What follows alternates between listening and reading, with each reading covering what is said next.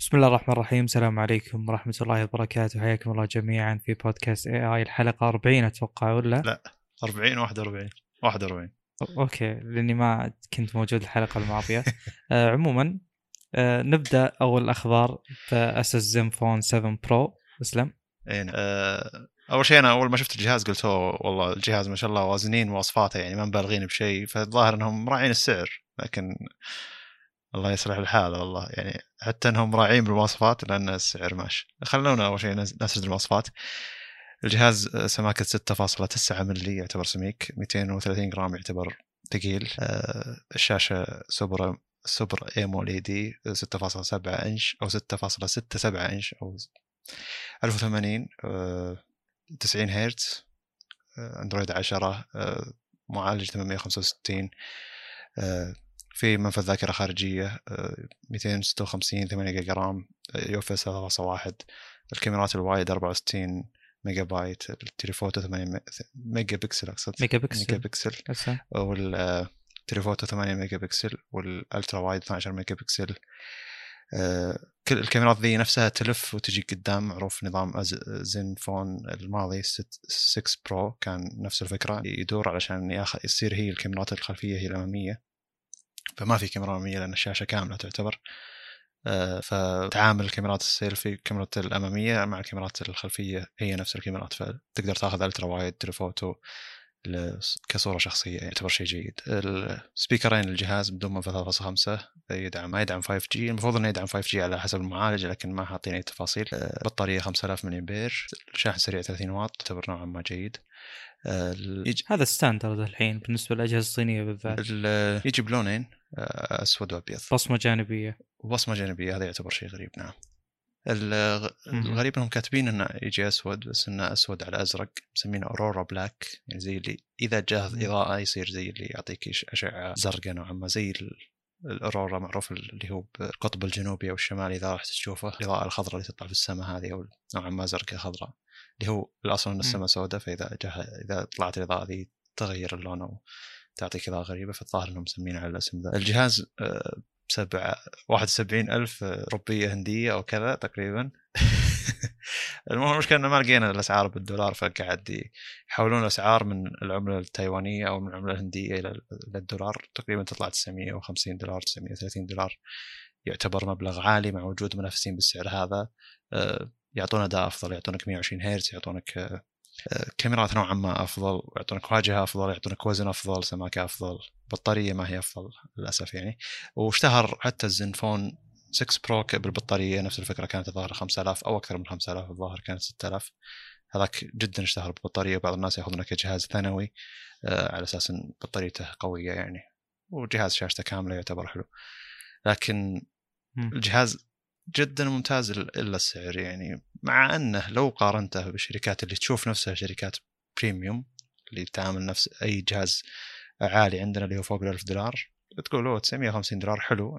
دامهم نقصوا من ال 120 هرتز 90 هرتز دامهم نقصوا من ال 2K لل 1080 يعني يعتبر شيء حلو. مع 5000 ملي امبير ما راح تحصل بطارية بالجودة هذه بالسعر هذا لأن بالعادة انه إذا حاولوا يحطون مواصفات أكثر حاولوا ينقصون الوزن والسماكة آه، تضيع عليهم البطارية هذه. فما أدري. مرات أقول انه ممتاز مقابل البطارية اللي قاعد أعطيك إياها لكن ما في أي تجربة للواجهة مثلا ما في أي تجربة لأشياء ثانية. فما في حكم على إنه هل هو يستاهل فعلا 900 950 دولار. لكن أول ما شفت المواصفات قلت هذا الجهاز 600 700 دولار على الأشياء اللي هم قاصينه منه. لكن ما أدري إذا اسس هي شركة تايوانية تشوف نفسها إنها شركة بريميوم آه، فتعاملك على إنها قاعد تبيع لك شيء من شركة فاخرة يعني. امم طيب أول شيء ما أتوقع إن نقدر نحكم على السعر. هذه قاعدة أساسية بالنسبة لي خصوصا إذا كان الموضوع عبارة عن تحويل عملة. لا ما في توفر لا يؤخذ فيه. لأن في عوامل كثيرة تخضع لهذا الشيء. والشيء الثاني يعني عشان أدلل بس بكلامي أنا من الأجهزة اللي يعني هي قوية اللي هو أسوس ROG Phone 3 يعتبر جهاز قوي. زين بس أنا أشوف المراجعات الأمريكية له يقولون لك ذا 1000 دولار champion ولا يعني يقولون لك الجهاز الممتاز ب 1000 دولار فالسعر 1000 دولار عندهم. زين؟ بس تفتح علي اكسبريس تلقى 620 630 دولار. في اختلاف بالمواصفات صح. يعني الرامات تجيك أقل شوي السعه ممكن تجيك أقل شوي. أه تكلم على 128 و8 جيجا رام الظاهر. أه في فئة تجي بدون التبريد المائي الداخلي. فيعني بس اللي نستفيده من هذا يعني من اختلاف السعر الفلكي بين السوق الأمريكي وعلي إكسبريس إن ما أتوقع إن هذا سعر الجهاز. جميل. وأجزم أنه ما هو هذا سعر الجهاز. آه، أتوقع بيكون أقل من كذا. آه، والشيء الثاني أنا أشوف إنه نوعا ما يعني يعتبر premium ترى. ما أشوف إنه جهاز إي بس ترى يعني المواصفات هذه بالضبط من غير البطارية مثلا البطارية تكون أقل. المواصفات هذه بالضبط ترى جهاز ون بلس 8 العادي نفس المواصفات هذه بالضبط يعني. ف وهذاك الجهاز علي اكسبرس تلقاه ب 590 دولار ترى. إلا. البطارية. طب خلينا نكمل. آه قلت لك نقطة السعر أول شيء هي اللي طبعا هي الحكم على الجهاز أكيد ما في شك.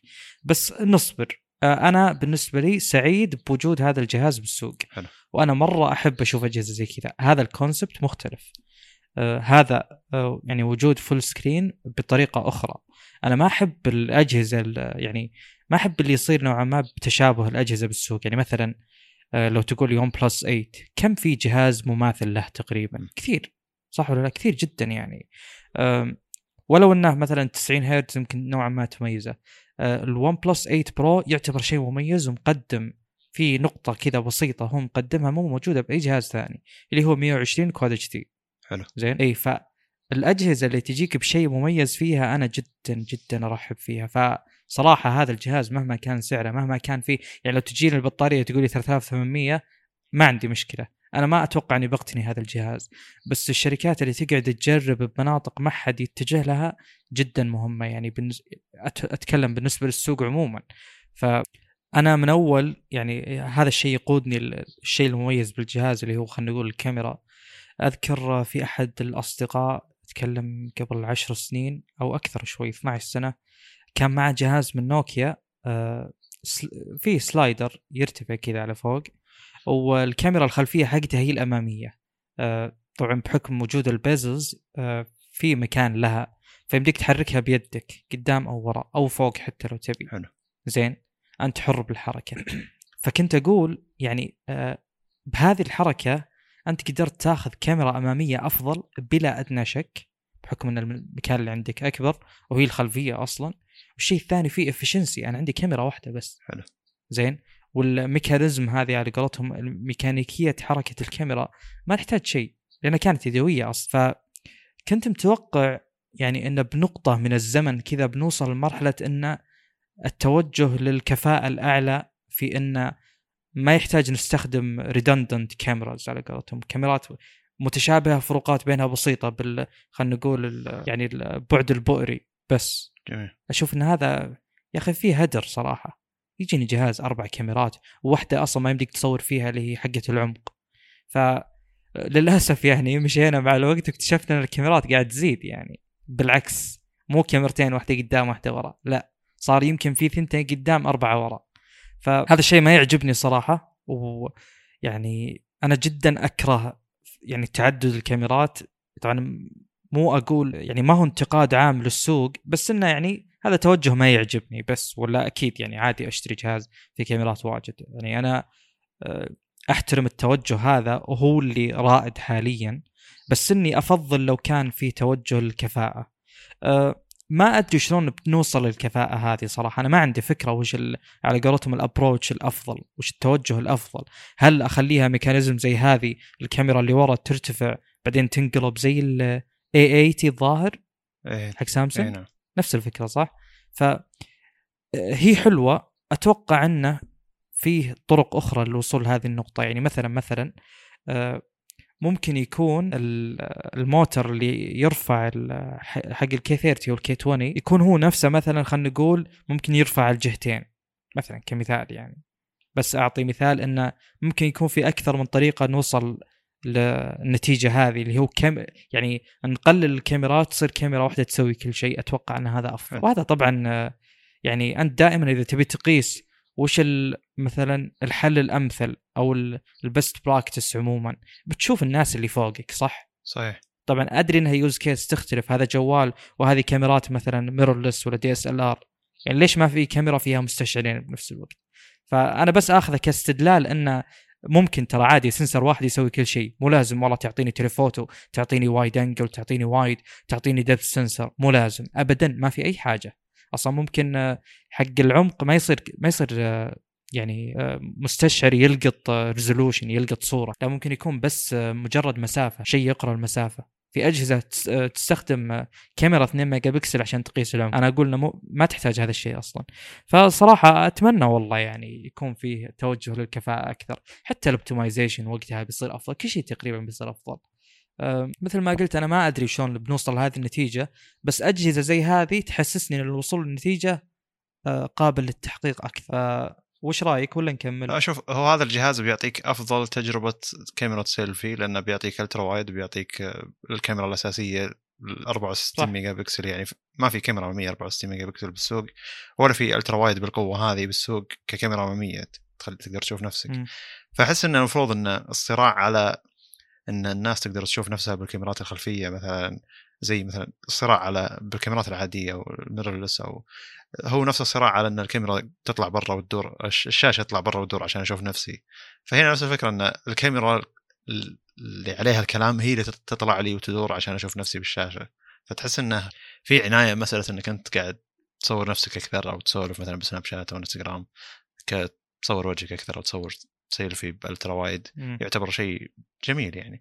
وصدقني يعني الدقة اللي بتحصلها من الفيديوهات باي بأي مكان ك إذا كان التطبيق محترم ما يعطي جودة اسوء في على مثلا أي منصة آه، بيعطيك اداء ممتاز للكاميرات هذه عموما. أه ما أدري. عجبتني الفكرة أن الكاميرات الاماميه هي نفسها الكاميرات الخلفية لكن ما عجبني سعر الجهاز للحين. بنشوف إذا نزل على علي إكسبرس. لا, لا تحكم. تكفى تكفى تكفى. لا تحكم. لا تأخذ أي انطباع. أتكلم جد والله. يعني تخيل أنا حسيت بالخيانة يوم شفت انه يعني صراحة أنا أحب أشتري جهاز كذا يسمونه power horse لا مو power horse workhorse على قولتهم. جهاز تكرفة كرف زي الاسوس ROG Phone 3 أه يعني بس كنت أقول سعره ألف دولار. لا أنت وصلت لمرحلة أعلى منك. أنت ترى ما توفر كاميرات نهائيا وشاشتك سيئة ترى. بس ال refresh rate فيها عالي. ففي مآخذ على الجهاز. بس الحين يوم تقول لي إن سعره 620 دولار. لا لا والله غير وجهة نظري تماما جميل. يعني. فتخيل هذا الجهاز جو أعلنوا يلا سعره بأمريكا 950 دولار. وبعدين يتوفر بعلي اكسبرس وهذا المتوقع يعني يتوفر ب 600 دولار. بيصير جهاز مرة إيه، ممتاز كذا كذا جميل. اي فأنا أقول لك اصبر شوي لا لا تاخذ حكم بالنسبة لي التوجه لل 90 هرتز والله إنه ممتاز. والله إنه جدا ممتاز. يعني إلى الآن ما أشوف كيف إن ال 120 يعني لها ذاك الداعي. أنا عندي الآن مثلا ال monitor حقي 120 هرتز ما راح أقول وشو بسجل مقطع عنه. ولا عندي التي في 120 بعد. آه ليش طيب أخذت الحين 120 يلا ليش ما يجينا أحد يقول ليه ما أخذت 90 طبعا بغض النظر عن التوفر. هذه حالات مختلفة تماما. أنت الآن ما عندك آه، محدودية الطاقة مثلا. زين؟ صحيح. بالجوالات لا. يا أخي فرق بين ال 90 وال 120 مهمل. واستهلاك الطاقة يعني أنا ما أشوف إنه في ذاك الداعي إنه استخدم 120 أود... فتوجه ال 90 عجبني. واجزم لك لو لو يوضع الخيار بين مثلا آه، تس تس هذا المستفز. 90 هرتز 2K مثلا مع مع 120 Full HD كثير بيختارون 90 مثلا. يا أخي هذا المستفز يعني سامسونج ما تعطيك أي خيار. يا أخي عطني 90 يا أخي. يا أخي تكفى عطني 90 أبي أنا على ما طبعا عدنا الموضوع مليون مرة. آه على النوت مثلا يا أخي عطني 90 و Quad HD ولو إن القلم يهم ال refresh rate عموما ما ما, ما نبي نروح لا ترى حتى ش... كل الشركات اللي تحط 120 ما تعطيك خيار ال 90 عموما أغلب. كلهم. إي ون بلس ما ما تعطيك خيار ال 90 خيار مي. مشكلة والله أنها مشكلة هذه صراحة. شيء ما له داعي ابدا ما له داعي. آه هذا طبعا يوضح تفوق يعني يوم يصير عندك زي مثلا ويندوز آه عندك آه كروت شاشة كروت شاشة لهم كذا إدارة مستقلة تماما. جميل. اللي هم مثلا خلينا نقول انفيديا انفيديا يعطيك انفيديا control panel تحكم مستقل بالشاشة مهما كان ال PC حقك مهما كان على الإطلاق. أصلا ال components حقت ال PC loosely coupled يعني كل قطعة مستقلة عن الثانية. كل قطعة لها header كذا interface آه، يخليه يعني كذا إدارتين منفصلة بينهم خلينا نقول مراسلين. بس. حلو. الإدارة تتحكم بشكل مستقل تماما. هذا الشيء يعني يوضح لك قد إيش ممتاز إنه مثلا لو يصير بالمستقبل لك قدرة إنك تتحكم بالجوال حقك أتكلم إنه يمديك تجمع القطع حقته. يصير في كل قطعة لها مثلا لها software يتحكم فيها. طبعا هذا الشيء بيضر ال optimization نوعا ما وكذا يعني ونواحي زي هالطقة. بس أتكلم كقدرة على التحكم بكل قطعة لحالها هذا الشيء سيفقد. أصلا تقدر آه، ب Nvidia control panel تحدد يعني عمق ال bit تحدد آه، يمديك ت- تحط خيار use custom Nvidia resolution شيء زي كذا تحط ال resolution اللي تبيه مع ال refresh rate اللي تبيه. فالآن كل شركه قاعدة تشتغل حالها صح؟ بالجوالات. وهذه مشكلة. هذا الشيء اللي يقهر انه ما في إعدادات كذا من اندرويد على طول أو من أدرينو خلينا نقول تخليك تتحكم بالشاشة للأسف. هذا شيء غير جيد صراحة. يعني هذا من الأشياء اللي صارت ترند يعني أول كان عندك 60 هيرتز خلاص سان ولا حد أصلا طلع من ال 60 يعني. زين؟ الآن يوم صار في فرق مفروض أندرويد يراعي هالناحية على طول. مفروض يتقدم خلاص. حل موحد للجميع. عدم وجوده صراحة أمر مزعج إلى الآن. يعني أكره trade-off يصير لك وأنت تستخدم جوالك اللي هو الحفاظ على البطارية ولا أداء أعلى. هذا الشيء اللي جدا مزعج صراحة. أنا ما أحب أطيح فيه. يا أخي كلهم أبيهم. فهمت؟ إيه. فودك توازن بينهم بشكل يعني ممتاز. للأسف في تطرف بالحلول الموجودة. طيب هو أكره شيء الشيء اللي كنت- هو أكره شيء لما يكون. ال hardware يسمح بالشيء ذا لكن ال software يقول لك لا ما إحنا سامحين لك. ليش؟ مم. أنا شاري ال hardware بفلوس يعني. ومبلغ علشان ال hardware ذا اعرف إنه يشتغل بالطريقة هذه أو. المفروض إنه يشتغل بالطريقة هذه وعموما لو لو أي شركة تبدأ تسوي مثلا كخيارات إنها 90 60 90 120 كالهيرتز والدقة أيضا لها خياراتها زي ما في اتش دي فول اتش دي و2 كي خلها 90 60 90 120 و... وتسوق لها صدقني بقية الشركات بتدخل العالم هذا بحيث إنه أو عندنا إحنا إنك تقدر تحط اللي تبيه أنت واي مم. شركة تبدأ يعني المسألة ما هي صعبة مم. طيب آه، في النقطة الأخيرة اللي ودي أتكلم عنها آه، جميل صراحة أن بدينا نوصل لساعات رامات تقريبا خلاص ثابتة م. يعني لنا فترة من زمان وحنا ثابتين على 8 جيجا ك base يعني صح؟ اي حلو أشوفه أمر جيد والله صار في ثمانية خلينا نقول base لل flagship آه 12 يعني غالبا فئة إضافية 16 لل premium خلاص اللي أعلى شيء top of the line على قولتهم. آه شيء ممتاز صراحة لأنه آه، يضيق على الشركات اللي تبي تتأخر عن السوق ولا تبي تعابط شوي. مع إنه والنق. مع إنه إلى الحين جاني جايني واحد بتويتر على الخاص يسولف لي إنه ما هي مكفيتني 8 جيجا رام ابي أبي 12 وقاعد وارد جدا. وقاعد اشرح له سالفة إنه يعني تقدر يعني النظام حقك هو اللي قاعد يقفل التطبيقات علشان يعطيك مساحة زيادة أو يعطيك نسبة من المساحه زيادة يعني هو تعامل بالنسب على يعني كسعة رام كم كذا كم يوفر لك نسبة فهو قاعد يشوف الرقم مم. المتوفر فيقول مثلا يصير عندي كذا RAM فاضي فقاعد أقول له ترى حتى لو فتحت مثلا تطبيقات زيادة هو بيبقي لك النسبة ذي وبيسكر لك آه. الماضيات فهو قاعد يتعامل إيه بالنسبة. فهمتك. هو فاهم إنه إذا بقى لك أربعة معناته إنك تقدر تفتح اللي تبي وبيبقي تطبيقات لها. بالخلفيه لكن النظام لا قاعد يتعامل بالنسبة ما يزال. كل الأنظمة كذا كلها على الإطلاق. ولا بعدين ممكن توصل مرحلة مثل ما قلنا سابقا إنك آه، خلاص النظام يستخدم ال virtual memory. حلو.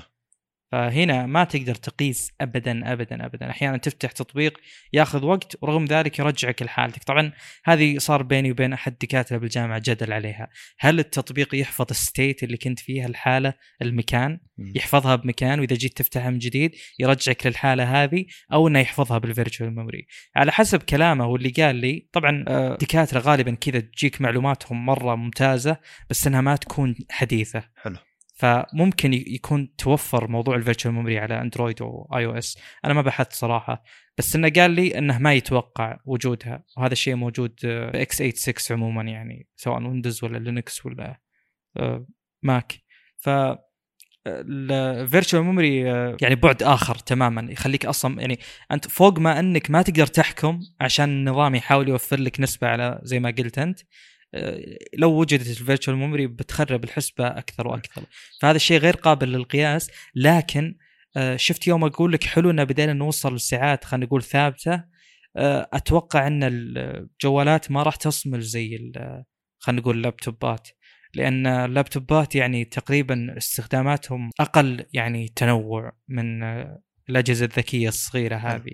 لأن أنت الآن يعني بالجوال تستخدم ش- خدمات واجد ترى واجد واجد بنفس الوقت واجد جدا. يعني مثلا ممكن وأنت مطفي الجهاز مشغل GPS ومشغل Google Maps مثلا ومشغل بيانات ومشغل أشياء واجد. فتعدد المهام ممكن يعني مع الوقت نلاحظ إن لا ما وقفنا على 8 إلى 16 ك يعني فئات متعارف عليها. أتوقع والله أعلم يعني. والتطور اللي قاعد يصير بالواجهات آه، خلينا نقول بالمتصفحات من ناحية آه، انه يزيد ال refresh rate وزي كذا. هذه أشياء أتوقع بتأثر أكثر وأكثر. يعني لو تلاحظ استخدامك لل خلينا نقول ويندوز عموما ترى خلال سنين ما تغير صح ولا لا؟ صحيح. هو نفسه يعني تقريبا هو هو متصفح هو مشاهدة هو شوي Premiere يعني أشياء زي كذا. ما تغيرت مم. على مر السنين. بس عموما من تجربة بعالم اندرويد ونوعا ما مطولة إن اندرويد يحترم إذا أنت آه، سويت قفل للتطبيق في قائمة تعدد المهام يحترم إن هذا التطبيق له أولوية وصد ويعطيه مساحة على الرام أكثر. حتى لو فتحت تطبيقات كثيرة يبقي هذا التطبيق اللي أنت حاط عليه قفل آه، له أولوية على الرام. ومرات يضغط الرام زيادة علشان يبقي لك هذا التطبيق يعني ويقفل التطبيقات اللي فتحتها بعده. ف دائما أقول إنه ترى 8 جا- رام المفروض إنها تكفيك إذا أنت المفروض انه تعرف شو التطبيقات اللي تهمك وال- والتطبيقات اللي أنت مرة حريص إنها تشتغل بالخلفيه بس قفلها بقائمه تعدد المهام هذا إذا ما توفر لك جهاز برامات أعلى. مع إنه صدقني يعني الشخص اللي هذا استخدامه اللي هو قاعد يقول لي إني أفتح أكثر من 20 30 تطبيق بنفس الوقت هو بيرجع ما أدري كم تطبيق. ما أدري وش يفتح تطبيقات. لكن عموما هذا في ناس يستخدمونه بالطريقة هذه. أتوقع حتى 12 جيجا رام بيقفل له تطبيقات. ما راح يبقي لي. صحيح إنه بيقفل نسبة تطبيقات أقل لكن بيقفل تطبيقات حتى لو كان عنده مسافة 4 جيجا رام زيادة النظام قاعد يحاول إنه يخلي الاربعه دي موجودة علشان أي أي أي تطبيق جديد يفتح يعطيه من الرام هذا مباشرة ويحاول بعدين يقفل التطبيقات القديمة على أساس يوفر لك المساحة الأربعة جيجا رام الأصل اللي هي اللي هي فاضية من أول ف. آه، لازم يصير تعرف شلون يشتغل الرام عشان تعرف شلون تستخدم الجهاز لأن مهما كثرت الرام آه، كثرة فتح التطبيقات بتخليك بتخلي التطبيقات تتقفل فذكاء استخدام المستخدم ومعرفته شلون يشتغل الشيء هذا. أهم من إنه يأخذ مواصفات أكثر. يعني هو آه، قد تكلمنا عن فرق الاستخدام في ويندوز مع الكمبيوترات الكبيرة بين 32 و 64 وكيف إن 64 قاعد يعطيك راحة أكبر وكذا. لكن هذا ويندوز يعني التطبيق الواحد يأخذ له كم جيجا RAM. يعني مرات تطبيقات تأخذ ويندوز ما عنده مشكلة يعطيها. مع ذلك إنه آه، يوضح لك الفرق بشكل مباشر. لكن الأجهزة الصغيرة عموما يحاولوا يحاولون يصير في ذكاء باستخدام ال RAM. أكثر. وأيضا تطبيقات ما تأخذ عد لا يعتمد على ال RAM management عموما. ما ما يعني iOS يعني شوف الفرق. iOS دائما ال RAM management يعني يمدح فيه مع إن أنا ما أدري وش السبب تحديدا بس يقولون إنه مرة ممتاز. بينما ماك يعتبر آه، سيء جدا من الناحية هذه. ولو إن يعني الفرق بين iOS وأندرويد كأجهزة آه، ما هو زي الفرق بين ماك وويندوز. ماك ويندوز جدا متقاربين بس iOS وأندرويد لا في كذا specifications لل hardware تختلف. آه، زي مثلا دائما يجيك الآيفون أقل رامات ومع ذلك آه، تقريبا يعني ما هو جدا وراء عن أندرويد. حلو. كذا جو يختبرون الأجهزة من ناحية آه، وش الجهاز اللي يسكر تطبيقات أكثر فيعني نقدر نقول إن الخدمات بالجوال كثرتها هي اللي تخليها تاخذ من RAM وليس إن كل خدمة تاخذ عدد كبير حلو. من السعر صحيح. أو حجم كبير. آه، وطبعا الخدمات مثل ما قلت لك كل شوي تزيد. ولاحظ يعني ال assistance أو ال assistants قاعدين يكثرون. آه، النظام أحيانا يحاول يتوقع أنت وش تسوي في أشياء تشتغل بالخلفية مثلا battery optimization ومدري وش الأشياء هذه. آه، فعلا فعلا ترى يعني خدمات بالجوال جدا كثيره جدا جدا وكل ما مشينا بالوقت تزيد أكثر وأكثر.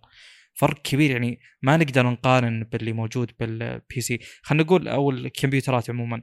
آه، الأشياء الخدمات اللي تشغلها بالجوال غالبا تكون حساسة critical على قولتهم.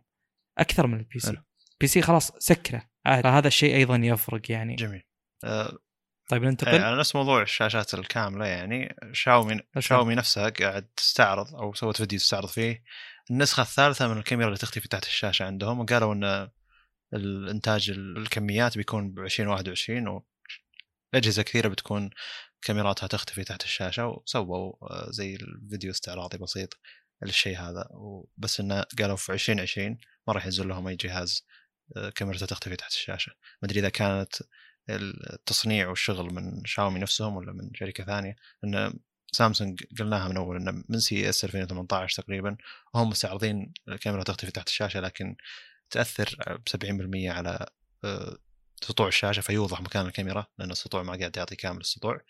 وأيضا 20% آه، تغبيش يعني من البكسلات للكاميرا فحتى لو كانت الكاميرا دقتها ممتازة لأن في بكسلات طافية قدامها تعطي شوية ذا. هذا عام 2018 CES بدايه عام 2018 متوقع الحين إن التقنية ذي يعني تطورت. وشاومي قاعد تستعرض شيء ZTE الحلقة الماضية تكلمنا عنها استعرضت أيضا. اسلوب آه، دعائي إنه في ون فيه 1 سبتمبر بعد كم يوم تنزل جهازه وتطلق جهازه آه، بكاميرا تختفي تحت الشاشة. لأنهم استعرضوا إن الكاميرا ما هي تطلع فوق الشاشة الكاميرا ما ما تجي بالنص كحفرة ما تجي بالزاوية كحفرة. باسلوب جميل دعائي تكلمنا عنه في الحلقة الماضية عموما. والحين آه، شاومي نفسها استعرضت فكره إن الكاميرا تختفي تحت الشاشة. أتمنى يعني إن الشركات آه، ما ترفع سعر الجهاز بزيادة على انه إحنا حاطين تقنية جديدة الكاميرا تختفي تحت الشاشة. أتمنى إن التصنيع يكون جدا كبير لدرجة انه ما يرفع بالسعر زيادة على الشركات. لأن مشكلة أي تقنية جديدة توصل استغلال المساحات أول ما بدات مثلا أو ال 5 جي الحين أول ما جاء يسبب ارتفاع بأسعار الأجهزة. ف... والارتفاع ذا المشكلة يبقى رغم إن القطعة ذي أو القطع ذي ترخص بعد فترة على الشركة لكن ما يزال الارتفاع موجود. فمرات يعني يقول لك آه، الآيفون الجاي مثلا بيقولون إنه بيرتفع سعر علشان آه، قطع ال 5G اللي فيه والمودم وكذا. طيب ال 5G السنة الجاية بيصير سعرها أرخص لأنه خلاص تصنيع واجد والوضع تمام. لكن الارتفاع بيبقى موجود. فالمفروض إنه ما ترتفع أسعار الأجهزة للدرجة هذه ويحاولون يعوضونها بمكان ثاني. أو الارتفاع يعني ما يبقى زي ما هو. أو مثلا جودة الجهاز نفسه والمواصفات ترتفع دام إنه في قطعه رخصت عليهم يعني. آه شوف هو للأسف يعني اللي صار لل يعني للكاميرا الأمامية من ناحية آه خلينا نقول إهمال آه يعني تقريبا نقدر نقولها ما تطورت على الفترة الماضية كهاردوير. يعني مثلا أول كان لها مساحة كبيرة فكانت آه فتحة العدسة تكبر فكان أخذ الضوء استقطاب الضوء أفضل ويتحسن مع الوقت. زين؟ بينما جانا موضوع النوتش والنوتو وبدت يضيق عليها شوي صح؟ بعدين جانا موضوع إنها تكون داخل يعني ماطور. وش هو بالعربي؟ ماطور. ما أدري والله. داخل قطعة متحركة. فبدأ يضيق عليها أكثر. بعدين يوم صارت بنش هول على قولتهم الثقب هذا اللي عند سامسونج أول من جابته آه، صارت تصغر كانت كبيرة ترى وقاعدة تصغر مع الوقت يعني يضيق عليها زين. الآن بتصير ورا الشاشة فمن وين تجيب إضاءة؟ ممكن تقدر تكبر الكاميرا بس آه، يعني بيكون شيء سيء على الكاميرا الأمامية ترى. شيء ما يخدم يعني الناس اللي تتوقع تحسن أكبر بالكاميرا الإمامية أنا للأسف ما أشوف هذا الشيء يعني يعني متوجه له. أتكلم حاليا ما أدري وش بيصير بالمستقبل. ممكن يتحسن الموضوع. بس انه ما أتوقع ابدا أنه يكون وجود الكاميرا خلف الشاشة زي وجود الكاميرا ظاهر على الشاشة حتى بعد فترة طويلة. صعب جدا يعني. صعب إنك تحط شيء قدامها وتخليها داخلة وأعمق ومع ذلك خلينا نقول يعني تعطيك نفس الأداء. صعب جدا. في أشياء كثيرة بعد ودي أقولها معليش من ضمنها أن أشوف هذا من أبرز الأسباب اللي تدعم كلامي اللي تو أن توجه الاقتصاد بالكاميرات ما راح يتم. الآن في شغل الكاميرا الأمامية أنها تكون تحت الشاشة. يعني إن في كاميرا أمامية وكاميرا خلفية. أه، حلول إنك تخلي عندك وحدة تنتقل من الأمام للخلف. أه الأصل إن هذه التقنية تقضي عليه. الأصل. المفروض. لأن الشركات على قولتهم هذه المشاكل يسمون حلولها workarounds اللي هو حلول مؤقتة. فالشركات قاعد تجرب كل واحد يجرب بطريقته لأن workaround هو حل مؤقت المشكلة وليس حل أبدي المشكلة. لو في حل أبدي الكل بيتبع زين؟ فهو يعني مع كبر الشاشات الشركات حاولت إنها توفر مكان للكاميرا. أه ما أدري وش بيصير بالمستقبل صراحة. أول كنت أقول يعني أنا لا زلت عند وجهة نظري إن الكاميرا الأمامية ما تهمني أحتاجها بس بسرعة فتح قفل الوجه. وأنا لي أكثر من سنة الآن ما أستخدم قفل الوجه عشان الكاميرا عندي متحركة. فبصراحة ما أهتم بس الناس المهتمين بالكاميرا الأمامية يعني للأسف لا يعتبر خبر جيد. أنا أعتقد انه يعني ممكن هذا الشيء يدفع الأجهزة القابلة للانثناء أكثر. انه مثلا مثل Surface Duo هذا آه، كاميرا واحدة هو صحيح إنها 11 ميجا بكسل الكاميرا الله بالخير يعني تعتبر الله بالخير لكن إذا فتحت الجهاز وفتحته 360 درجة وصارت شاشة على جهة وشاشه على جهة تقدر تستخدم الكاميرا ككاميرا اماميه وكاميرا خلفية بنفس الوقت الجهاز ما في استغلال نعم. مساحات ما في الحوسه ذي لكن أقصد آه، ممكن يكون الحل بالأجهزة القابلة للانثناء عموما آه، حتى مثلا الهواوي Mate ما أدري X كان اسمه هذاك أو اللي كان إيه, إيه أو شاومي مثلا الألفا اللي كان الشاشة تدور لورا تقدر تستخدم م. الشاشة اللي ورا جزء من الشاشة اللي ورا ك viewfinder للكاميرا الخلفية آه، على أساس إنها خلاص صارت كاميرا أمامية الشاشه الشاشه الأمامية شاشة كاملة تعتبر ما أدري. حلول غريبه ترى في شركات حطت شاشة شاشة ورا وشاشة قدام على أساس إنك تستخدم الشاشة اللي ورا للكاميرا الخلفية على أساس تصير أمامية. لكن عموما حل اسوس زنفون 7 برو إلى الحين يعتبر حل جميل صراحة آه، مع إن الناس ما يحبون قطع متحركة اجهزتهم عموما يحسون إن هذا الشيء بس أنا وأنت جربنا. أقل جودة. آه، إذا كان يدخل داخل الكاميرا وقت ما إنه يكون يعني خلاص ثابت بس إن هذا تحس إنك لو ترفع بيدك اللي هو يصير الكاميرا تدور 360 درجة من فوق الجهاز آه، تحس إنه أضعف من إن الكاميرا تطلع من داخل الجهاز ثم ترجع داخل الجهاز اللي هو يعني مكان آه، محفوظ أكثر. نوعا ما ما أدري. أه شوف يعني الموضوع أحيانا يصير مستفز زي مثلا الآن شركة ما عندها هذه المحدودية ما عندها هذه المشكلة ما واجهت هذه المشكلة زي اللي هو Surface Duo حلو. يعني هو مو مواجه هذه المشكلة وعنده مساحات بكل مكان بالجهاز.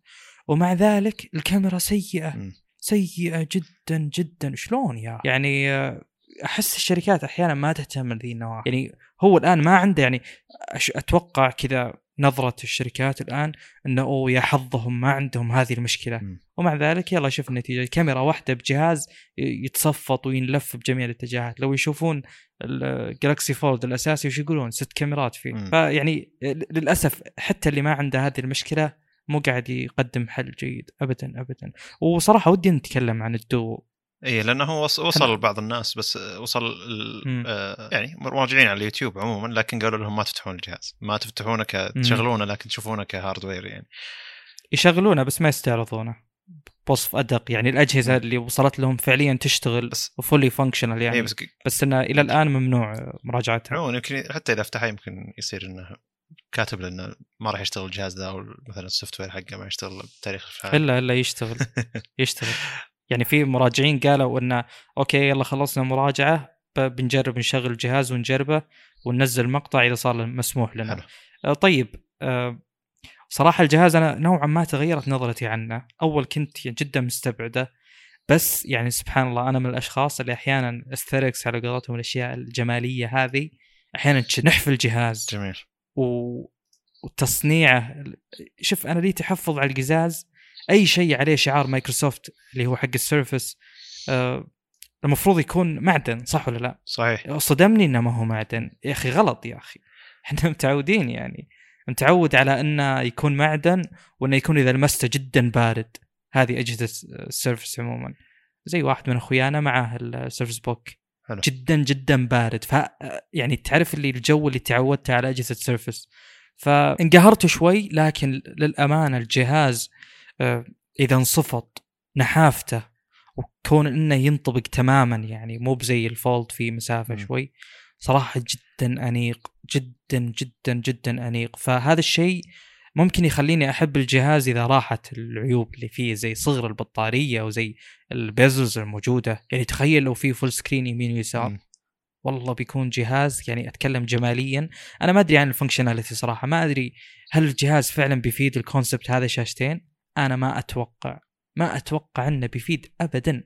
مرة. يعني تخيل في واحد من المراجعين قال ترى ما تقدر تست... يعني ممكن تقول إنك تبي تستخدمه ميديا ما تقدر تخلي الميديا بشاشة واحدة أو شاشة كاملة. شاشة 4 3 الفراغ. إيه لا لا الفراغ غير مقبول يقول صحيح اللي بينهم.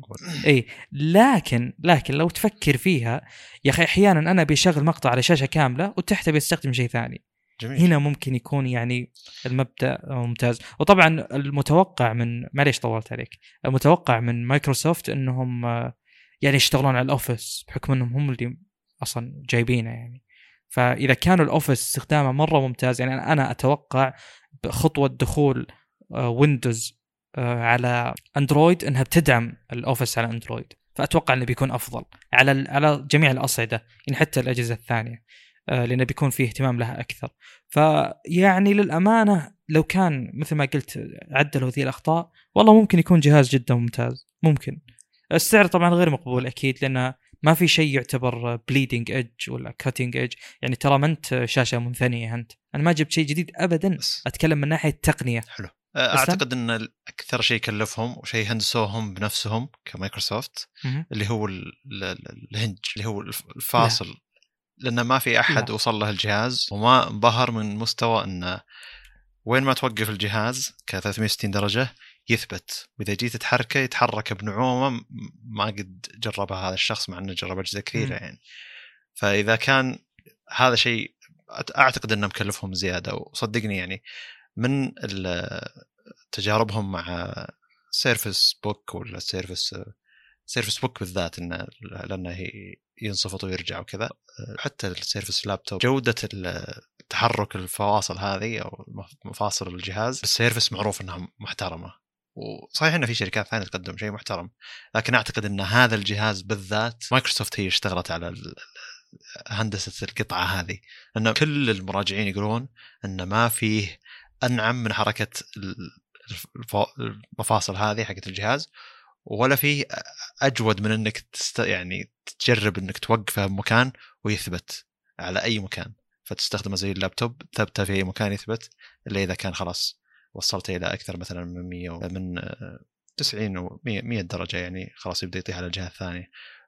وحتى إن إنها فلات ولا في أي كاميرا بروز بكاميرا مثلا. ما في كاميرا أصلا خلف الجهاز إنك إذا حطيته وثبته 180 درجة يثبت ك 180 درجة يقول مو صعب عليك إنك تدفها من الجهتين من تحط يدك وتدفه بسرعة بنعومة يثبت على الطاولة بشكل flat كامل وأيضا حاطين مغناطيس بالزوايا اللي برا علشان يثبت عليها القلم حق ال Surface للناس اللي عندهم القلم حق. ال Surface فأعتقد إنه هو النسخة الأولى وفي عيوب واجد وسعره ما هو منطقي الا ان في أشياء صغيرة كلفت مايكروسوفت زيادة وهي شركة ما هي شركة hardware ممكن إنها طلبت من مصانع أنها تسوي الهاردوير هذا لها لكن صدقني إن هذه أشياء كلفتهم بزيادة غير المواصفات عشان كذا أعتقد إن الجهاز تغير. عندي تص... شوف. عندي تصور عندي تصور انه يعني مفاصل الجهاز هذه مكلفة أكثر وتطويرها مكلف أكثر من ما إن إحنا نتصور لأنه من النادر إنك تلقى جهاز رخيص المفاصل حقته ممتازة. يا رجال والله إني أختلف معك كليا صراحة. يعني شوف أنا أحترمك كابو فيصل كصديق بس الكلام اللي قلته يعني ما أتفق مع ولا نقطة. يعني ما أدري. لو تروح لاي أي محل خلينا نقول يقدم يعني منتجات تقنية. هاردوير خلينا نقول يا أخي شوف اللابتوبات مليون هنج ومليون شكل. شيء زين شيء شين شيء 360 شيء لا يعني كلا تبكى اللابتوب فما ما هو شيء جديد طيب أنا أوكي أنا الهنج ممتاز 360 درجة لينوفو مثلا هذا ما في ما طيب، في اي نعومه وفي كلاسيك؟ معاناة إني أحركه والجهاز صحيح إنه ب 500 دولار 600 دولار لكن جهازك أرخص من الجوال ذا وش تتوقع اي يعني؟ من المتعب من المتعب إنك تستخدم شيء زي كذا وعشان كذا هو رخيص وصدقني حتى لو أخذت شيء غالي إنه حجمه كبير الفواصل حقته. ما هي مشكلة إنها تكون أرخص لكن صدقني مع الحجم الصغير متعب جدا. وعشان كذا حتى جهاز موتوريلا الماضي انه صحيح إن الشاشة فيه تنثني لكن صدقني المفاصل اللي تسحب الشاشة وترجعها و... صدقني إنها مكلفة أكثر مما إنها نتصور. لأنه يا أبوي شاشة عندهم تتحرك تنثني. إيه لا بس لأن الحجم. الحجم الصغير مع مفاصل ممتازة صعب. صدقني إنها صعبة. ما أدري يمكن أنا أختلف معك كلي شكل الهنج أصلا ما هو جديد علي. أوكي هو ناعم هذا هذا أمر آخر. بس إنه يعني يحتاج تجربة. على النعومة يحتاج تجربة فعلية. ان الجهاز تمسكه طب قدامك جربناه وطلع أسطوري. يلا. اي هل يستحق؟ لا، ما يستحق. بس هذا شيء مكلف. صدقني إنه شيء مكلف. إنه يا رجل. ان وزنية ال- القوة وزنيه إنه كيف إن الإنسان يا رجل. والله أثروا عليك تسويقيا. مره صراحة. وجهة نظري طبعا. يعني شكل المفصل هذا اللي هو آه، كأن الشاشتين تنشبك على المفصل. مو إنه في مفصل أساسي والثاني مركب عليه. هذا الكونسبت شفناه كثير. تنعيمه أمر آخر. ولا أتوقع إنه يكلف.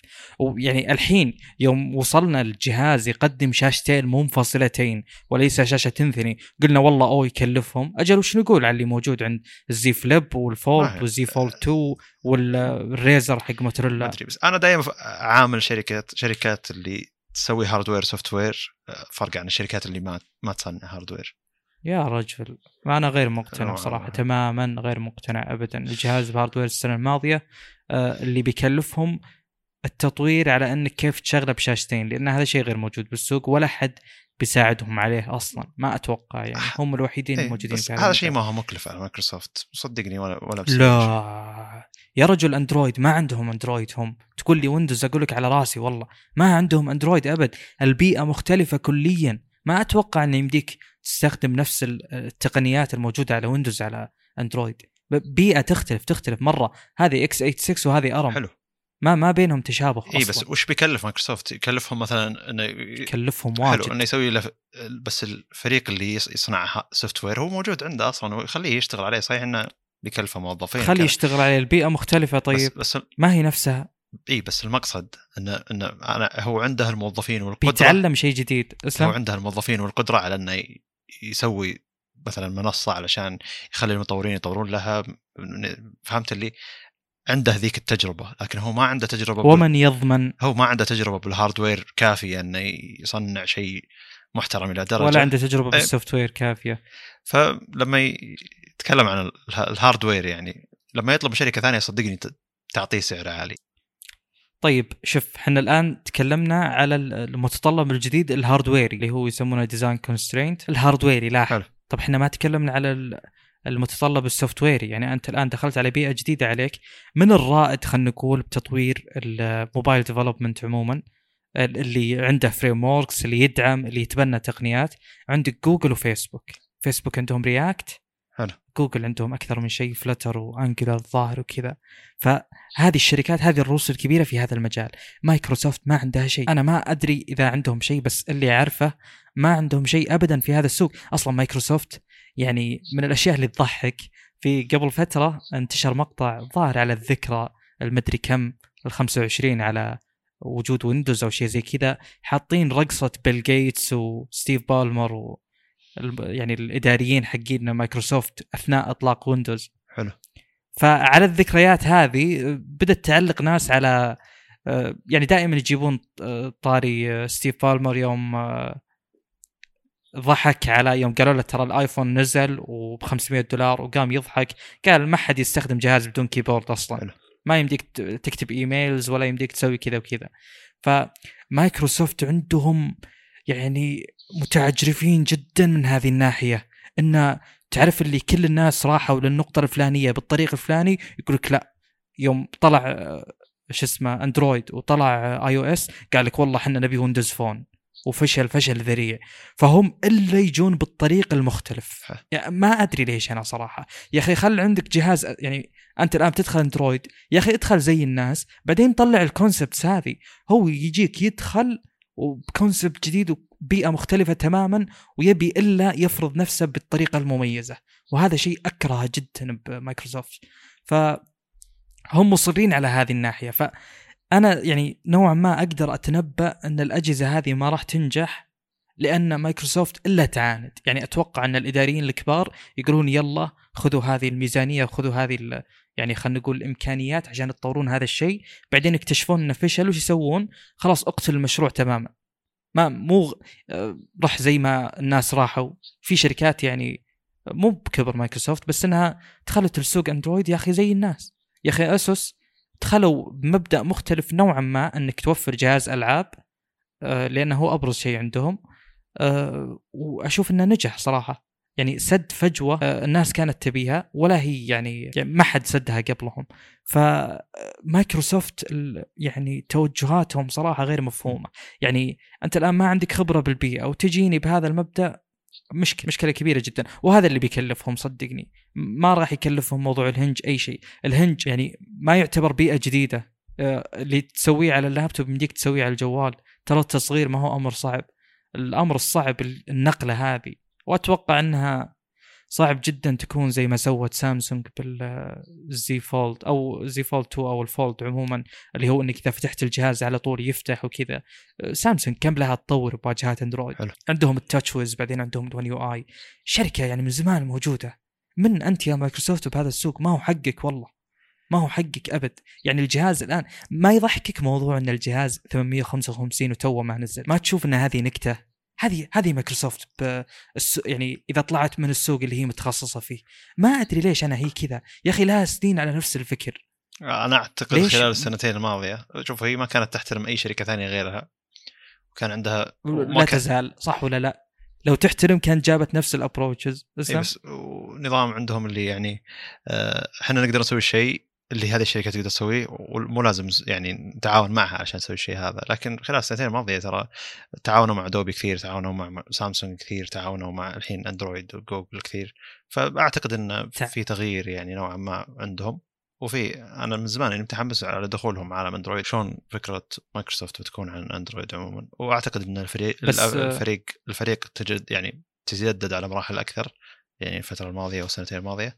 على أن راحت الفكرة القديمة ذيك مايكروسوفت من الشركات اللي تحب تتعاون مع غيرها حاليا.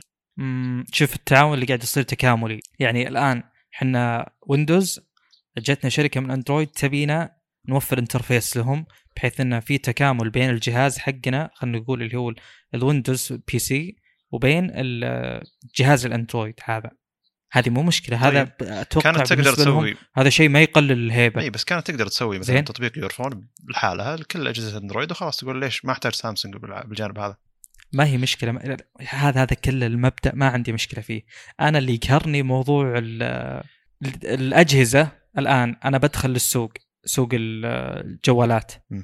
ما أدخل زي الناس ما, ما أبي أقلدهم أنا أكبر منهم. هذا يختلف عن إني أوفر خدماتي عشان أتكامل مع منصة ثانية. هذا أمر عادي جدا بالنسبة لي. بس إنهم آه، يشوفون مثلا الحين جاء الآيفون بشاشة كاملة لللمس ما في keyboard ما في شيء. هم يقولون خلاص هذا ال approach غلط. انتهى الموضوع. يجيك واحد من الإداريين حقينهم يقول لك هالنقطة. وخلاص يرفض إنه يمشي زي ما يمشون الناس. هو هو أكبر منهم. هو يشوف إنه أحسن منهم. يقول أنا ما أسوي كذا. فيختلف الموضوع تماما. يعني توفير interface بيني وبين اندرويد هذا شيء أو بين سامسونج خلينا نقول هذا شيء كلنا مستفيدين منه أكيد أكيد. ما في واحد خسران. السوقين هذه ما تتقاطع. ما يجيني واحد بيشتري Note يفكر اشتري Note ولا لابتوب. يمكن تصير بس خلينا نقول 5% بالكثير. أه، ما أدري بس على مستقبل إنه ممكن الأجهزة المحمولة الصغيرة تكون بشاشتين أو تعدد المهام فيها افضل أو تكون قابلة للانثناء يعني. دخول مايكروسوفت بالجهاز هذا حتى لو إنه كان جهاز هاردويريا غلط.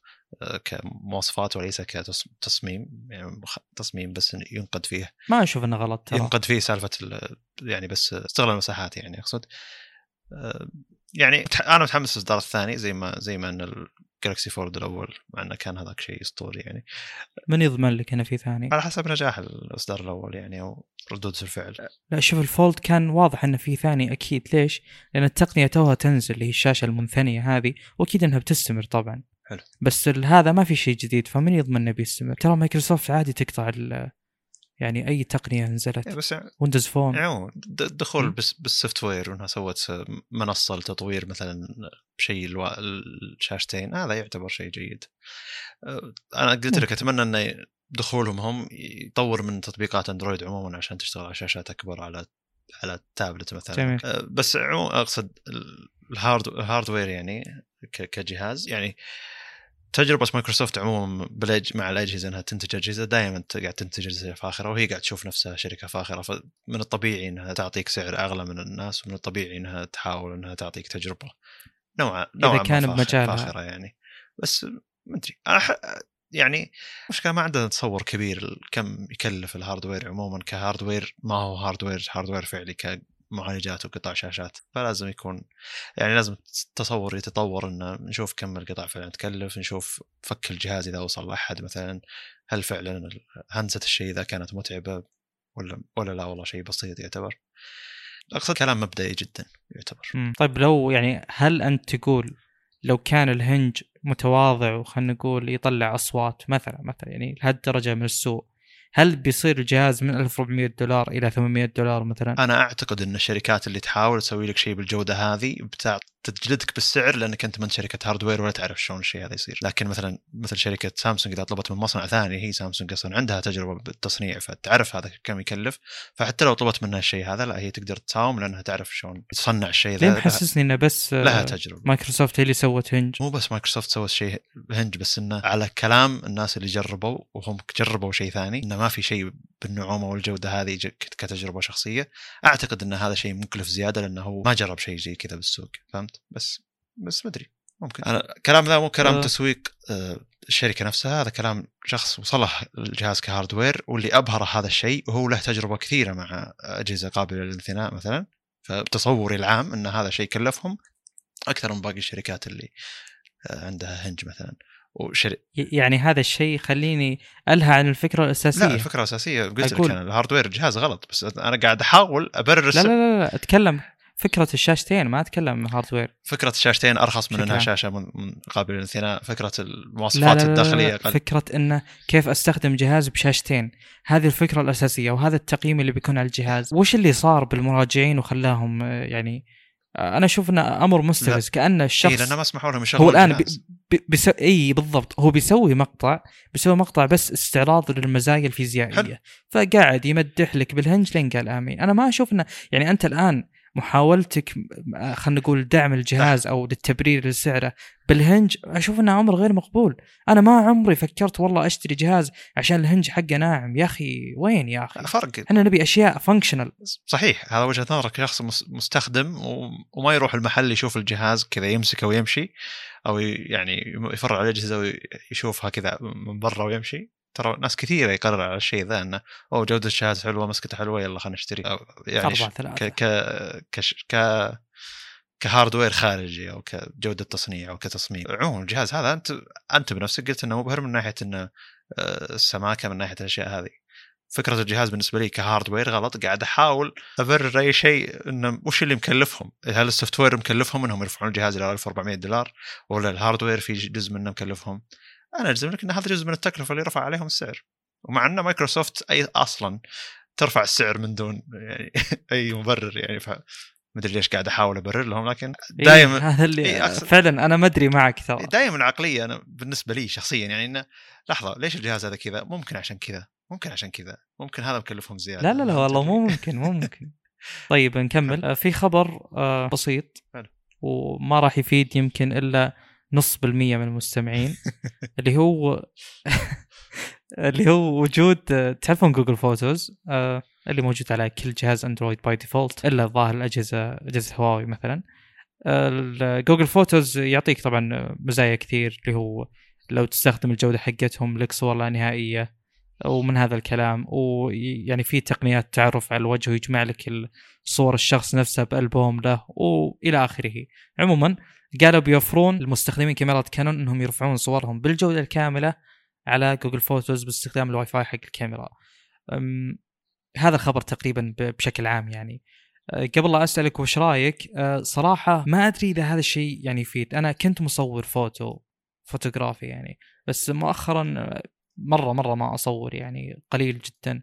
فما أدري هل هذا الشيء فعلا مفيد؟ إن كذا لي منصة توصل أه، تنقل لي الصور. طبعا أحتاج أستخدم واي فاي هل خبر يستحق مثلا؟ شوف في نوعية مستخدمين اللي هو يصور يصور يصور مثلا حقين السفر بالذات. وإنه إذا إذا. رجع المكان اللي هو فيه ما عنده ذيك الطاقة إنه يطلع الذاكرة ثم يفرغها بجهاز ثم مثلا خلاص ذاكره مفرغة من جديد ير- يروح يصور اليوم الثاني. فهذه خطوة تسهيل بس إنه مجرد ما انه آه، كاميرتك على حساب وأنت مسجل حسابك على الجيميل على الكاميرا إنك تشبكها على الواي فاي الموجود بالفندق اللي انت ساكن فيه وهي ترفع الصور تلقائيا خلاص دقيقة بسالك طيب إذا ممكن تسهل السالفه بس يعني أه، ممكن أسأل مم. الآن وش تستخدم؟ عشان صورت صورة تبي تشوفها بجهازك إيش تسوي؟ أروح احطها على الكمبيوتر أوه هذا سؤال يعني بيوصلنا الاجابه أنا مثلا لحظة صورت صورة بال- على الصور. بالجوال يعني تقصد بالكاميرا كيف تشوفها على مكان ثاني ايا كان المكان كمبيوتر بالذات على طول آه. في هو التطبيق حق سوني السيء جدا جدا جدا جدا. يمديك بدون واي فاي ليش احتاج واي فاي يعني هنا الآن تحتاج واي فاي طرف ثالث وليس مجرد وسط نقل بينك وبين الجوال. لا بس ف- بس أنت قاعد ترفعها هذه- على ال cloud مباشره ما قاعد ترفعها على, ج- على أتفق مم. أتفق معك. بس آه، رفعها على ال cloud شيء وأتكلم مجرد استعراضها اللي هو هذا أكثر شيء يهم الناس أتكلم. آه، دقيقة الحين أنا أحيانا أحتاج بس أوصلها لجوالي بأي طريقة كانت حلو. إي فهذه حالة أخرى توي أبدأ إي بس هذا يعني. ما يسوي مشكلة مثلا التطبيقات الموجودة ما ينقلها raw raw ما جربت بس جودة كاملة إلا أنا معليش بس قد أنا صورت صورة شخصية لي وقلت لك أنت اللي بتعدلها ثم ارسلتها لك ما نزلت raw ترى عشان أني نقلتها على الجوال مباشرة ما حطيتها على الكمبيوتر فهمت اللي هو تطبيق سوني طيب آه، يعني وش رأيك بالخبر هذا؟ هل يستحق؟ يعني أنا أشوف إنه ما هي من حركات جيد؟ كانون عموما. أنا حسيت إن سامسونج دخلت عالم الكاميرات وسوت الحركه ذي وطلعت فهمت؟ اللي في واحد كذا موظف شاطح شوي قال إنه تعالوا ليش ما نرفع الصور على ال cloud مباشرة؟ خدمة حلوة. أي واحد مم. مع كاميرا كانون فيها واي فاي الحين أظن بيجي لهم تحديث يخليهم يستخدمون الميزة هذه. طيب بس هذا اللي يخص حلو. الخبر. نواصل. اللي بعده اللي هو تكلمنا إحنا عن جهاز جهاز أو mode من إل جي تكلمنا عنه الحلقة الماضية اللي هو يجي على شكل حرف T اللي نص شاشة تجي طالعة من وسط الجهاز. ما أدري إذا كان الجهاز الشاشة اللي ورا ذي تدور ويصير الجهاز خلاص كامل مثلا ويصير ش- شاشة ورا الجهاز الأساسي أو إنه لا هذه شاشة تركب وتقدر تفصلها. ما أدري وشو لأن إلى الحين آه، الفيديو اللي واضح إنه بشكل ثابت صوروها ما حركوا أي شيء فيها. لكن آه، أسلوب الاستخدام الجديد اللي هو حطوا إيه اللي هو حطوا انه واحد قاعد يستخدم الجهاز الأساسي الكامل آه، كأنها لعبة أو لعبة سيارات. ثم النصف الثاني اللي فوق حطوه زي الخريطة لعبة السيارات. فهو ماسك الجهاز بحرف التي كأن حرف التي مقلوب. الجهاز الأساسي كامل بيده على شكل آه، عرضي يعني. والنصف الشاشة ذي الموصولة بالجهاز موجود عليها خريطة اللعبة. فأنا بالحلقة الماضية كنت أقول وش ممكن الاستخدامات الثانية اللي هي غير إن اللي شرحناها في ذيك الحلقة إنه يكون الجهاز بطو... طو... بشكل طولي وعليه مثلا جوجل مابس قاعد يدلك والنصف الثاني اللي هو يصير يمين الشاشة. لازم تروح تشوف الفيديو علشان تستوعب الفكرة يعني تستوعب شلون صاير الجهاز. أنا حاولت أشرحها بشكل صوتي يعتبر شوي صعب. أه ويكون النصف الثاني اللي على اليمين يشغل لك شيء ثاني. ما أدري إيش عند إل جي قاعد تطور شيء زي كذا وما أدري إذا هو إضافة أو هو نفس الجهاز موجود منها الشاشة ذي وتقدر تصفطها على الجهاز نفسه. غريبة إل جي إيش قاعد تسوي بالسوق. لكن في ناس يقولون أوه والله فكرة غريبة شيء ملفت للانتباه. أنا ما عندي وجهة نظر ولا عندي رد ولا يهمني هذا الشيء صراحة. فنتجاوزه اللي بعد انه في تحديث المتصفح كروم اللي هو خلاص بيصير على اندرويد يدعم ال 64 بت بشكل رسمي. أظن إنه بيبدون خلاص إنه ما تندعم ال 32 بت بالذات يعني. ما أدري شلون إنهم ما يدعمون 32 بت المفروض إنه شيء رسمي إنه المتصفح مو مشكلة يدعم 32 أو 64 بت على حسب انت نظامك اللي يشتغل عليه أو الصفحة اللي انت فاتحها ما أدري إذا كان صفحات لها علاقة يعني.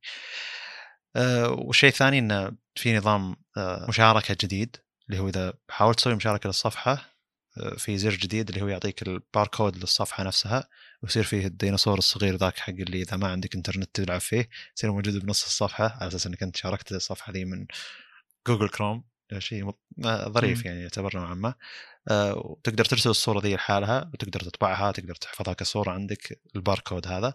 وقائمة ال- الإعدادات عموما آه، قائمة ال- ال- النشر آه، جددوها. وشالوا ال- سالفة اللي قلناها ذي مسبقا إن من بعد ال www وال https شالوها وحطوا بس قفل. واللي بعد ال- ال domain الأساسي شالوه علشان ما يصير فيه لبس عند الناس. فخلاص هذا التحديث اللي هو وصل له. الحين تقدر تحمل Chrome Canary اللي هو الظاهر إنه نسخة بيتا اللي هو يدعم لك الأشياء هذه اللي هو ألفا أو بيتا. غريب مسمينه كناري مدري وشو. بس إنه متجر جوجل الرسمي الأندرويد تقدر تلقى نسخة كناري نسخة Chrome Canary Chrome Beta Chrome. الحين وصلت النسخة ذي اللي هي 85 للنسخ هذه لكن النسخه الرسميه ما وصل الشيء ذا للحين. آه، كناري آه، هي تقنية ما أدري وش والله. بس إنه ما أدري ليش شيء يوصلها علاقة بالسيرفرات أتوقع. بس يوصلها التحديثات أول بالعادة. ما أدري ليش. يمكن كذا يسمونه يسمونه Cana- Canary. build مرات إنه يعني شيء ظهر نشر. canary deployment أو شيء مخصص له ما أدري. نسيته. أسلم. أه أم، بس كروم قاعد يتطور تطور غريب صراحة. الأيام هذه. خاصة الشهرين ثلاثة الماضيه تكلمنا يمكن ثلاث أربع مرات عنه بالبودكاست. وأنا تقريبا كل بودكاست هذا اللي لاحظه. حتى لو ما كان موجود من ضمن قائمة الأخبار نتكلم عنه يعني. مم. آه، قاعد يتحسن آه، شوف هو مو قاعد يتحسن كميزات قد ما أنه يتحسن كدعم يا أخي. أنا اللي يعني وكل مستخدم أتوقع مو الحالي همه الأساسي كيف أن المتصفح يعرض لي الموقع بأفضل طريقة خلينا نقول. بالذات إذا كان mobile based خلينا نقول. يعني آه، كون أنه يعطيني فريمات عالية وال animation جدا ناعم وانه إذا ضغطت الزر فعلا الزر ينضغط ما ينضغط لي شيء ثاني. هذا الهم الأساسي. وكروم يعني قاطع شوط من أقرب متصفح له أو متصفح له اللي هو فايرفوكس آه، شوط طويل جدا. ف يعني للأسف هذه الأشياء قاعدة تزيد الفرق بين الاثنين. رغم إنه مثل ما قلنا فايرفوكس صار له تحديث جدا جذري وجدا يعني كبير آه، يخليه أقرب وأقرب إلى كروم بس للأسف لا زال لا زال الفرق يعني. من يعني من ضمن أبرز الأشياء اللي تثبت إن الفرق كبير إذا فتحت جوجل بكرو... بفايرفوكس ورحت على الصور وضغطت على احدى الصور آه، أحيانا ما يطلع لك الاقتراحات اللي هي صور ذات صلة. ما تطلع لك. وإذا طلعت لك وضغطت على واحدة منها وسويت زر رجوع يعني ما يرجعك للصورة اللي قبل يطلعك. حلو. ففي مشاكل كثير بالذات للخدمات اللي توفر من جوجل. يعني دعم جوجل متصفح جوجل نفسه. حلو. على فايرفوكس سيء جدا يعني كروم على جوجل هو الخيار الأفضل بفرق كبير جدا وللأسف إن أغلب استخدامنا على يعني صفحة جوجل الرسميه. بحث جوجل اي وصور جوجل وفيديوهات جوجل وأخبار جوجل فهذا صاير لك الشيء يعزز من صدارته صاير لي شيء كريه بكروم آه، اللي على ويندوز إنهم. أرسلوا تحديث وخلوا إنك تقدر تضيف ثيمات بدل ما تحط إنه كروم نفسه يص- يصير خلاص dark dark theme بس إذا صار. dark theme أي متص... أي صفحة تدخلها فيها dark theme يحولها المتصفح إلى دارك ثيم على طول. لكن يعني قصدك white ولا بيضة؟ بيضة يحولها إلى أسود. أنت قلت dark إلى dark بس إي بما انه إي يحولها من من صفحة يعني من الصفحة الرسمية إلى إلى ال dark حقها. فأنا قاعد ادخل يوتيوب ويرجع أبيض. ثم آه، حم يعني أضفت إنه خلاص رحت أضفت الثيم اللي هو dark اللي هو حق كروم نفسه dark لكن ما يزال ما هو معتبره dark كمتصفح فما قاعد يحول الصفحات إلى دارك لدرجة إني قاعد أحط يوتيوب. دارك ثم أرجع أفتحه مرة ثانية أو أسوي له ريفرش مثلا آه، يرجع أبيض. فالحركة ذي رفع ضغطي. ما أدري إذا كان في إعداد جديد داخل أخليه يحول كل الصفحات اللي أفتحها إلى دارك إذا كان فيها دارك لكن. شيء رافع ضغطي. المهم عموما الحين ما حطيته دارك حطيته أزرق كأنه تليجرام فصار الواجهه موحدة. تليجرام فيه لون نسخة من تويتر نسخة نسخة. هي أزرق الغامق فبدينا نلخبط شوي. أزرق. الغامق فصاير عندي الحين متصفح كروم أزرق وتويتر أزرق وتليجرام أزرق. طيب على طاري المتصفحات عموما شفت تحديث إيدج؟ أتوقع الأغلب لاحظت أكثر من لابتوب شخص حولي وصل له التحديث حلو. تغيرت فيه الأيقونة تغير فيه يعني جذري تقريبا. وصلني. أه، استخدمته؟ لا. طبعا سياسات مايكروسوفت والإجبار على استخدام إيدج يعني شيء عجيب صراحة. أول مرة أتقبله منهم سابقا ما كنت أتقبله أبد.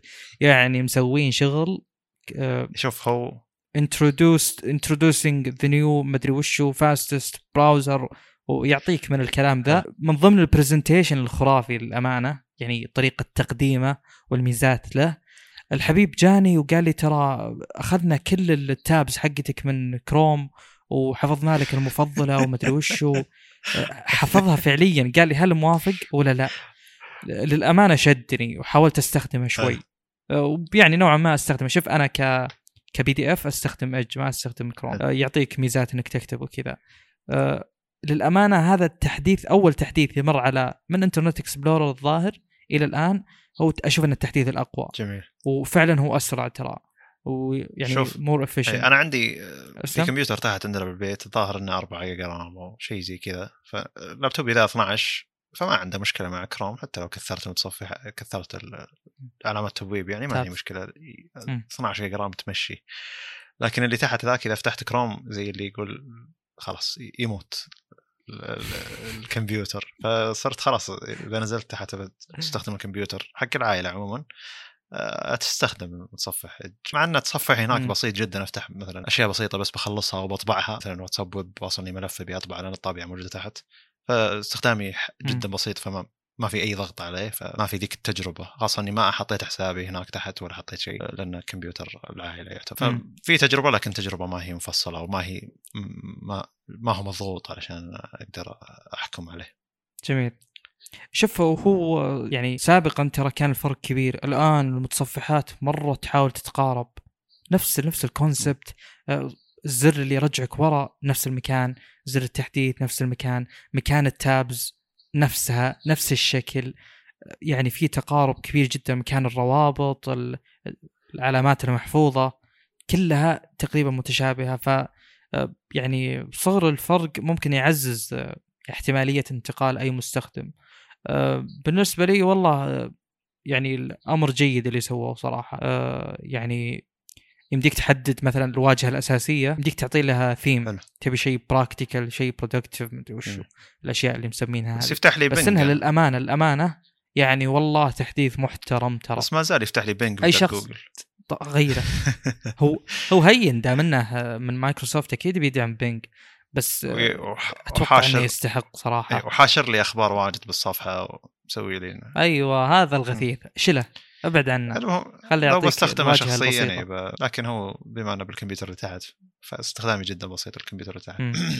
آه، أنا للأمانة ماني مستفيد من ال ecosystem حق كروم لذيك الدرجه يعني بس إذا احتجت auto fill وكذا ممكن آه، يفيدني استخدم بس غير كذا إيه. بس استخدم ميزة إني آه، يعني أنشر أو أرسل الصفحة اللي. أبيها من الجوال الكمبيوتر أستخدمها كثير إيه حتى إني مرات آه أنا ما استخدمها كثير صراحة حتى إني مرات أرجع للبيت أفتح كروم إلا خمس صفحات أنا مرسلها اليوم كله فهمت من الجوال وأشياء أبي. أتذكرها بعدين مثلا أبي أقرأ عنها أبي كذا مفيدة جدا ما أدري. إذا كنت أقدر يا أخي. هذا الشيء يعزز معليش يعزز يعني دائما أنا أتصور هو المطورين وبشكل عام التخصصات ايا كانت حتى قيادة سيارة F1 مثلا آه، يعني على الرغم من أن الهدف واحد تقريبا إلا أن طرق الاستخدام جدا تختلف. يعني أنت الآن يوم قلت تو إنك ترسل لنفسك tabs عشان تتذكرها. هذا شيء بس يخليني أستوعب إنه لا ترى مو كل الناس نفس الشيء. إيه.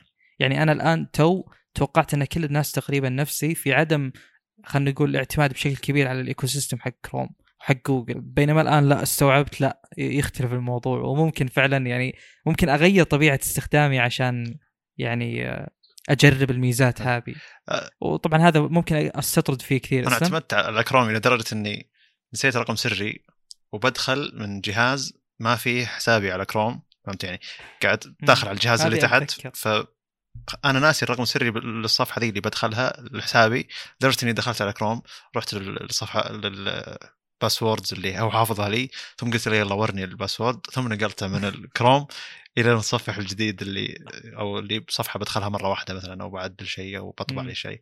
فالى الدرجة هذه إن كروم حافظ أرقام السريه اللي أنا ما كنت أتصور إني أحتاجها يوم من الأيام ولاني احتجتها يعني.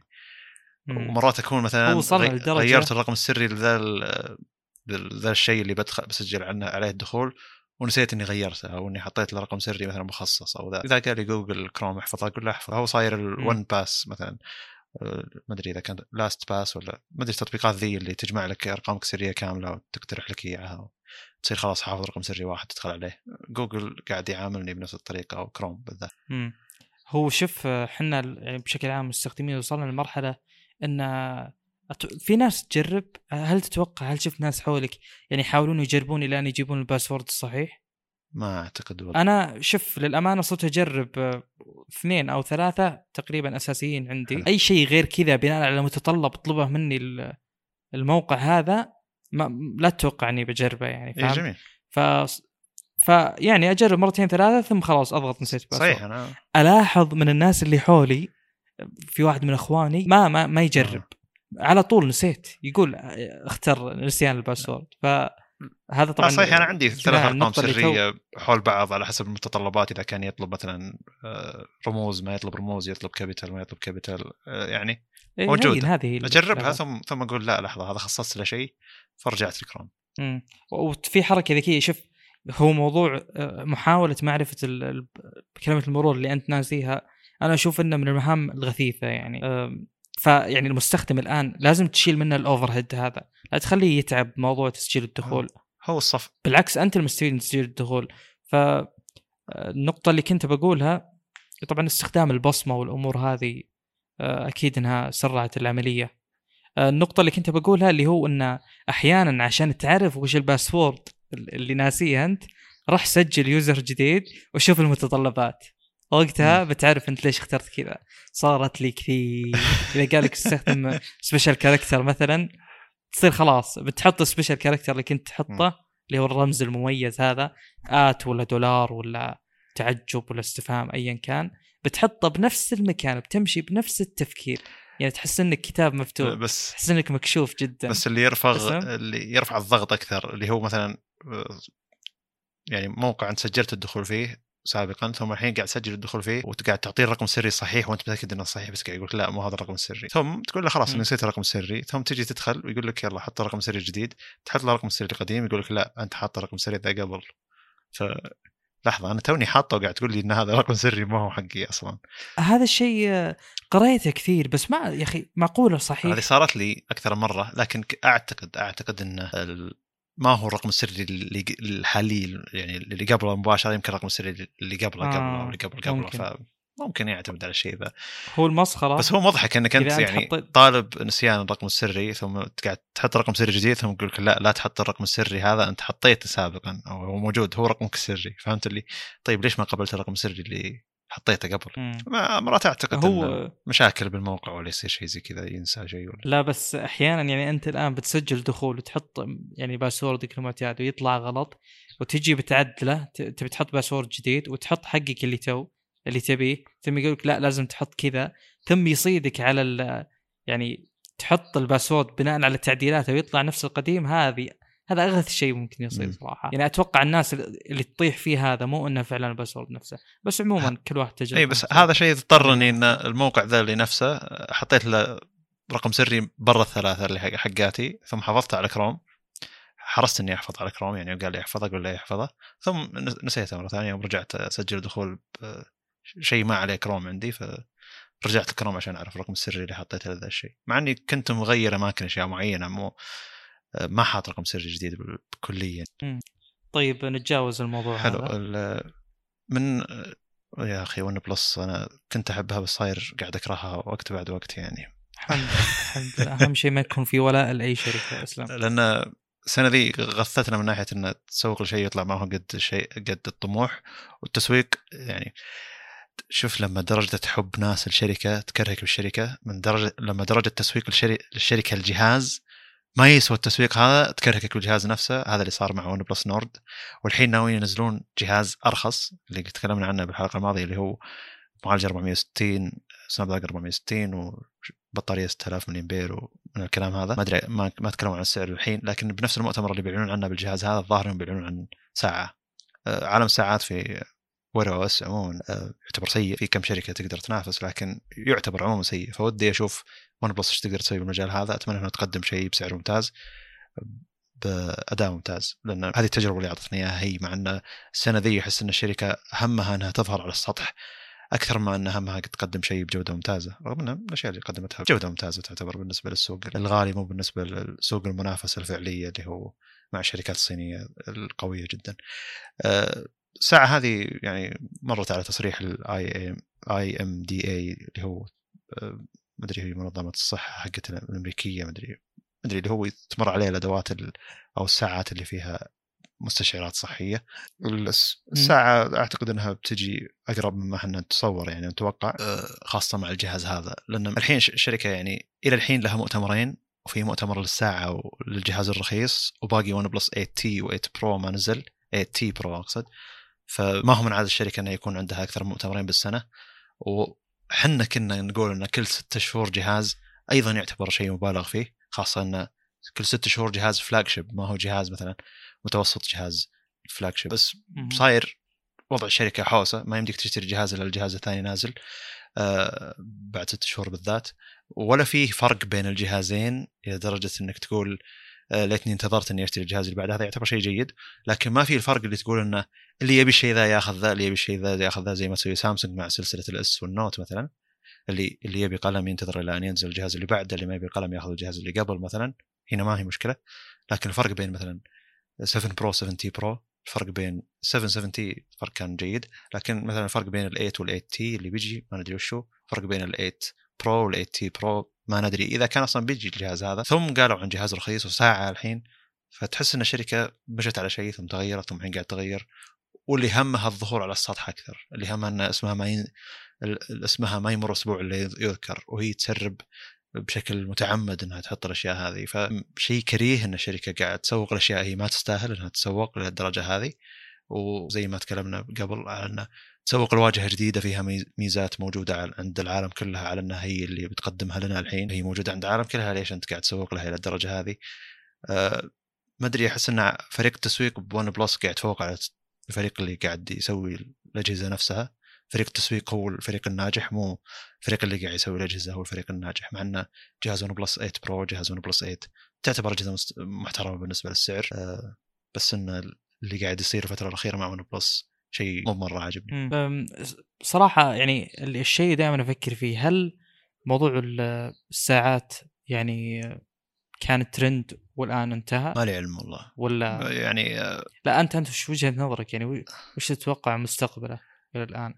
أنا أتوقع أن لازم الشركات حقت أندرويد تبدأ يعني تركز على أنها تقدم شيء محترم كتجربة أكثر ما أنها تقدم شيء محترم كتصميم مع أن الساعات الناس يركزون على التصميم أكثر. أوبو أظنها سوت ساعة مشابهة لساعة أبل لكن من تجربة الناس لها ك كواجهة كاستخدام. ناس كثير يمدحونها واللي جربوا ساعة أوبو هذه اللي هي بنظام Wear OS يقولون انها أفضل ساعة بنظام Wear OS. أتمنى انه OnePlus تاخذ من تجربة أوبو خاصة انها هي شركة مستح يعني مستحدثة من أوبو نفسها. فشيء جيد خاصة إذا كان السعر ممتاز ما هي مشكلة. شاومي قاعد يعني ضاربة سوق الملبوسات لأنها قاعد تقدم شيء بسعر ممتاز.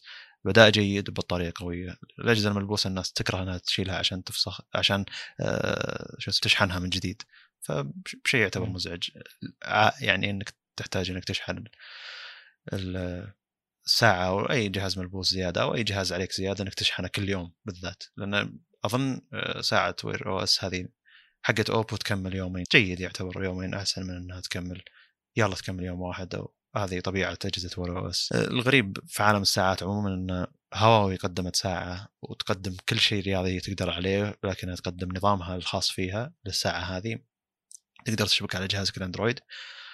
والساعة رغم إنها تصميمها عادي أشياء أشياء كثيرة فيها عادية لأنها تتكمل أسبوعين بدون شحن. هذا شيء جدا مبهر. ما أدري هل النظام مو بزين ولا مع إن استخدام الناس لها تقول إن مراقبه النوم مراقبه الرياضة لها محترمة ودقيقة. لأن ما أدري شلون قدمت 14 يوم. هذا شيء يعني كم؟ 14 ضعف. ما أدري 10 أضعاف الشيء اللي قاعد يقولون عنه شركات الساعات الباقية أو الشركات اللي تقدم ساعات رياضية وساعات ذكية. والله صراحة يعني أنا ما أشوف إن السوق هذا قاعد يتطور من ناحية دعم المستخدمين له. اقتناء يعني ولا من ناحية إن الميزات اللي تقدم بشاشة ذكية جدا خلينا نقول فيها كل المواصفات ممكن تقديمها خلينا نقول ب يعني بالذات أغلب الناس يأخذون أتوقع الساعات هذه عشان يعني أبرز شيء عشان فتنس عموما رياضة والشيء الثاني عشان الإشعارات هذا اللي أعرفه يعني أنا غير مستخدم هذه الأشياء هل هذا الشيء صحيح؟ أنت لك تجربة. اي أنا بس ما ما همني الإشعارات، همني المكالمات بس إن لأن جهازي صامت فأبي السواره بس سواره شاومي تهز إذا جاني مكالمة بس. هذه الشيء الوحيد اللي طيب هذا هذا الشيء يعت... قابل توفيره يعني؟ يعتبر إشعارات. ف... بشيء كم سعره؟ أقل من 100 دولار يعني عموما. أقل من 20 دولار. اي مو مشكلة مو هو سعره رخيص بس تكلم إنه ممكن توفيره بأقل من 100 دولار بالراحة فأنا ما أحتاج إني أدفع 200 دولار مثلا وطالع ف يعني إلى الآن ما في ميزة جذرية ممكن توفرها لي الساعة الذكيه والسواره آه، أتكلم الغالية البريميوم عن اللي ثمنهم منخفض ممكن تخليني فعلا أبيهم وأقدر يعني وأحتاج إني أدعم السوق هذا. فللأسف أنا من ضمن الأشخاص اللي أتوقع إن هذا السوق ما راح يستمر آه، بيصير آه، شيء مجرد إكسسوار ما له لازمة يعني ما راح نوصل لمرحلة إن هذا الشيء يعني هذا الشيء مو قابل استبداله ما هو أساسي أصلا. ما أتوقع إنه بنوصل لمرحلة إنه يكون أساسي زي ما سوق سوقت له الشركات أه. وشخصيا أسعد كل ما شفت ان يعني خروج الشركات من هذا السوق أكبر وأكبر. يعني أتكلم في شركات لهم تجربة شركات فاخرة خلينا نقول.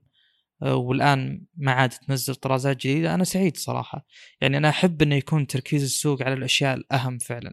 يعني ال VR على الرغم من إنه كان ترند بشكل كبير والآن يعني مو كثير اللي يتكلمون عنه الا انه فعلا يقدم احتياج ما ما ما له بديل. يعني مثلا كنا قبل البودكاست نتكلم على Flight Simulator هذا حق مايكروسوفت ما أدري إيش اسمه والله. هذا أكيد تجربته ب VR أكيد إنها أفضل. ألعاب السيارات الس- ال racing sims خلينا نقول أو ألعاب السباقات المحاكاة. هذه تجربة ال VR فيها جدا مثالية. في أشياء ما تقدر تستبدلها. Half-Life Alyx الأخيرة مبنية تماما على ال VR فال VR يقدم شيء ما له بديل بينما الساعات أشوف إن السوق هذا يعني بس اللي عنده فلوس أو يعني أشوف أكثر فئة خدمت بوجود الساعات الناس اللي يبون يهدون شخص شيء ولا هم عارفين مم. الجوال غالي والأشياء الباقية الساعات التقليدية ما تقدم ذيك الخدمة فحرفيا أكثر الهدايا اللي أشوفها ساعات سواء سامسونج ولا هواوي ولا أبل يعني بس هي من الأشياء اللي إذا ممكن يكون هذا غرض وجودها هي أسلم. من الأشياء إذا تعودت عليها صعب تفقدها يعني أنا حرفيا إذا تعودت عليها وفقدتها أنا مو فقدتها تركتها يعني إي بس. أنا الحين إذا مثلا سوارة شاومي ترى الشحن تاخذ وقت طويل مدري إيش تاخذ وقت طويل بس ساعتين ثلاثة بالراحة عشان تكمل 100% بس انها تعطي نص واط بس يعني. انها تعطيك آه، 21 يوم فلما أشحنها ومثلا أطلع أروح وأرجع وأنساها ثلاث ساعات أربع ساعات ونص يوم. أفقد إني أرفع يدي عشان أشوف الساعة أفقد إني مثلا أستخدم ال- الكاونت حقها اللي هو ابدا أبدأ عد مثلا ربع ساعة 20 دقيقة. يعني حرفيا لما أسوي قهوة الحين قهوة عربية 20 دقيقة تقعد القهوة تطبخ لازم. بيفرق الطعم لما أطلعها على 10 دقائق خمس دقائق شخصيا ألاحظ الفرق انه لا القهوة أخذت حقها. ف راعي كيف ما شاء الله. اي فمباشرة من أحط القهوة على النار أرفع ساعتي. صار شيء تلقائي جدا إني أحط 20 دقيقة وأوقتها من تخلص 20 دقيقة تهز. الساعة أروح هذا شيء يفقد خاصة إذا أنت تعودت عليه صاير يعني ال- العداد هذا وال وال الوقت أكيد يعني والتتبع الرياضي شيء ممتاز صراحة. خاصة الأيام اللي أحرص إني أروح أمشي فيها الأيام اللي أروح فيها للجامعة مثلا عندي أي شيء. مم. في عندي فضول إني أعرف كم مشيت اليوم. عشان احس اني تحركت ولا ما تحركت. أه، بس ثلاث ساعات ذي أفقد فيها الساعة وحتى لو نسيتها بالبيت وطلعت أفقد فيها الساعة. معنا شيء جميل. شيء ب 16 لاحظ 16 17 دولار يعني وعملي جدا. لا لا لاحظ اننا متفقين جدا ترى على موضوع السوارة هذه مم. الفئات ال- اللي تقدم خلينا نقول functionality ميزات فعلية موجودة حلو. ما هي extras يعني. مع إنه فنتفق حنا ما بيننا أي خلاف إيه، ترى. جدا جدا متفقين. بس, بس أنا خلافي على الفئات العالية اللي تحتاج شحن. بشكل شبه يومي وزنها عالي وما إلى ذلك من الأشياء اللي يعني ليش أنا أستخدم كذا؟ تحس إنه overhead أكثر من إنه شيء يقدم ميزات. هذه تستخدمها كم؟ 20 يوم بدون ما تشحنها؟ هذه فعليا تبي تقدم لك احتياج حقيقي. المشكلة حقين الساعات التقليدية واللي يحبون الساعات الفاخرة ما يشوفون الساعات الذكية شيء. لا يشوفونها إيه. شيء لا يشوف تكفى. اي ف يعني ما نبيهم لا. أنت اللي إذا قدرت ترفع السعر تجذب ناس ولا أنت اللي إذا قدرت ما تجيب مي- ميزات يعني بناحية انها بطارية تطول. صدقني لو الشركات تجيب بطارية تجيب ساعات كذا فجأة ورا أس يصير ما يستهلك طاقة ويكمل 10 إلى 14 يوم بيفرق سوق الساعات بشكل كبير. أه، ساعة أبل أه، التحديث اللي صار إنها تكمل يومين بدل يوم باعت كمية أكبر والناس راحوا اللي تكمل يومين. علشانها تكمل يومين. وقاعد يقول لك وش الميزات اللي فيها ولا بطاريتها. كل شيء يقدم تقدمها ساعة اللي قبلها تقدمها هي. مع إنه يعني يضيفون كم شغلات مقاومة ماي بشكل أفضل ولا شيء زي كذا. ولا نسخ مثلا آه، آه، نسخ آه، مخصصة أكثر. بس لما تزود البطارية هذا شيء يلفت انتباه الناس. قلت أكثر مرة إن الناس ما تبي تزود عدد الأجهزة اللي تشحنها خاصة إذا كان شاحن مخصص للساعة مثلا هذه.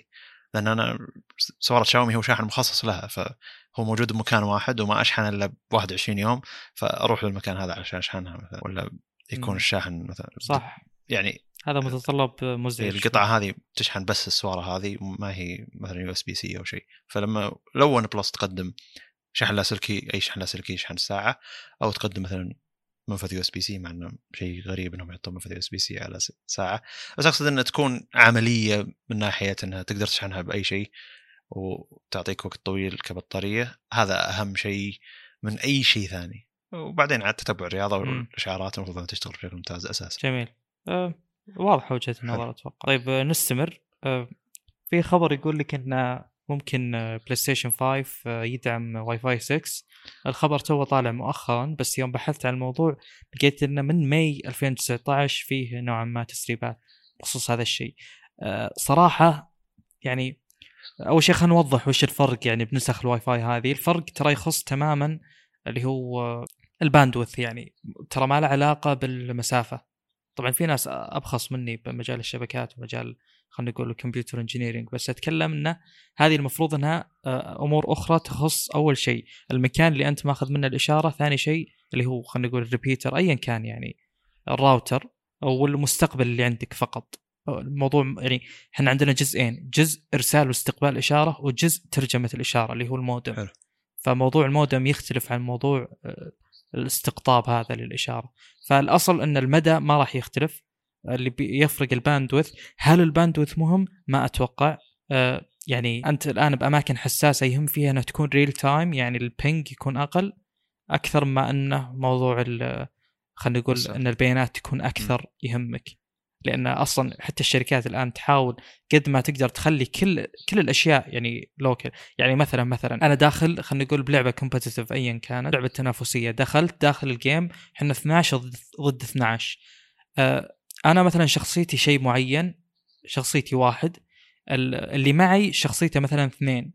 حفظ ميزات الشخصية موجود عندي أنا بالجهاز ترى.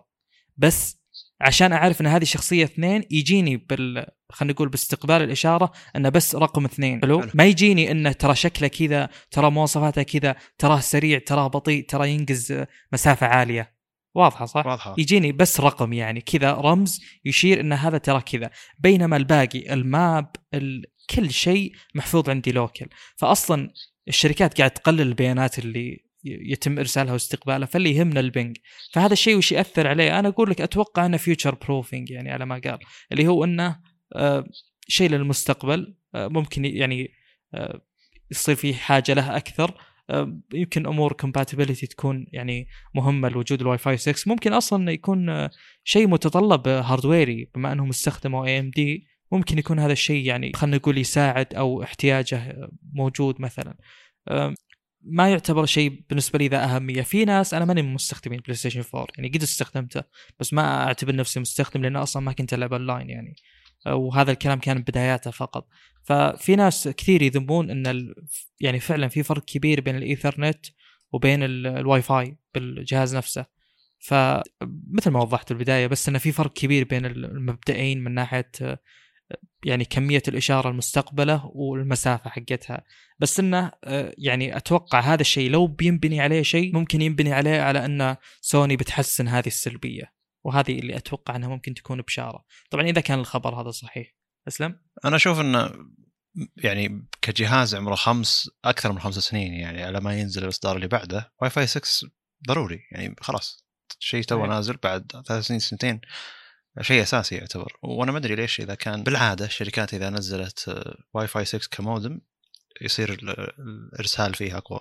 ما أدري إذا كان مخصص الواي فاي 6 ولا الشركات تعمد إنها إذا حطت واي فاي 6 تحط آه، ك antennas أفضل من ناحية إنها ترسل كإرسال يعني. أنا شفت مقاطع يوتيوب كثيرة كتسويق لواي فاي 6 أو مودمات واي فاي 6 إنها تعطي مدى أكبر.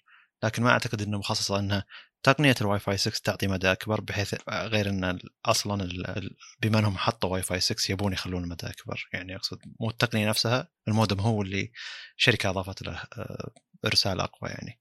لأن كل ما فتحت انه وش الفرق بين واي فاي 6 واي فاي 5 كل الفرق بين بأنه مثلا ما يستهلك طاقة كثير خاصة إذا كان مثلا بجوالك واي فاي 6 والمودم واي فاي 6 إنه ما يستهلك عليك طاقة كجوال فيه واي فاي 6 مثلا آه، ويعطيك البيانات أسرع يعني أو أكثر كسعة بيانات تجيك باللحظة الواحدة يعني. ف لكن في نقطة تسويقية إن الشركات إذا سوت مودم واي فاي 6 تعطيه آه، بث أقوى. فممكن هذا يرتبط بعقول الناس انه واي فاي 6 أقوى من ناحية إنه يعطيك مدى أكبر لأن المدى ما أعتقد إنه له علاقة لأنه لو تبحث بأكثر من مكان عن الفرق بين واي فاي 6 واي فاي 5 كله الفرق bandwidth وفرق استهلاك طاقة فرق شيء زي كذا. جيد. وممكن يكون أيضا يعني ممكن يكون آه، ميزة وجود هذه الشيء ما هي مباشرة ممكن إن ال card نفس القطعة هذه حقة الواي فاي يجي معها بلوتوث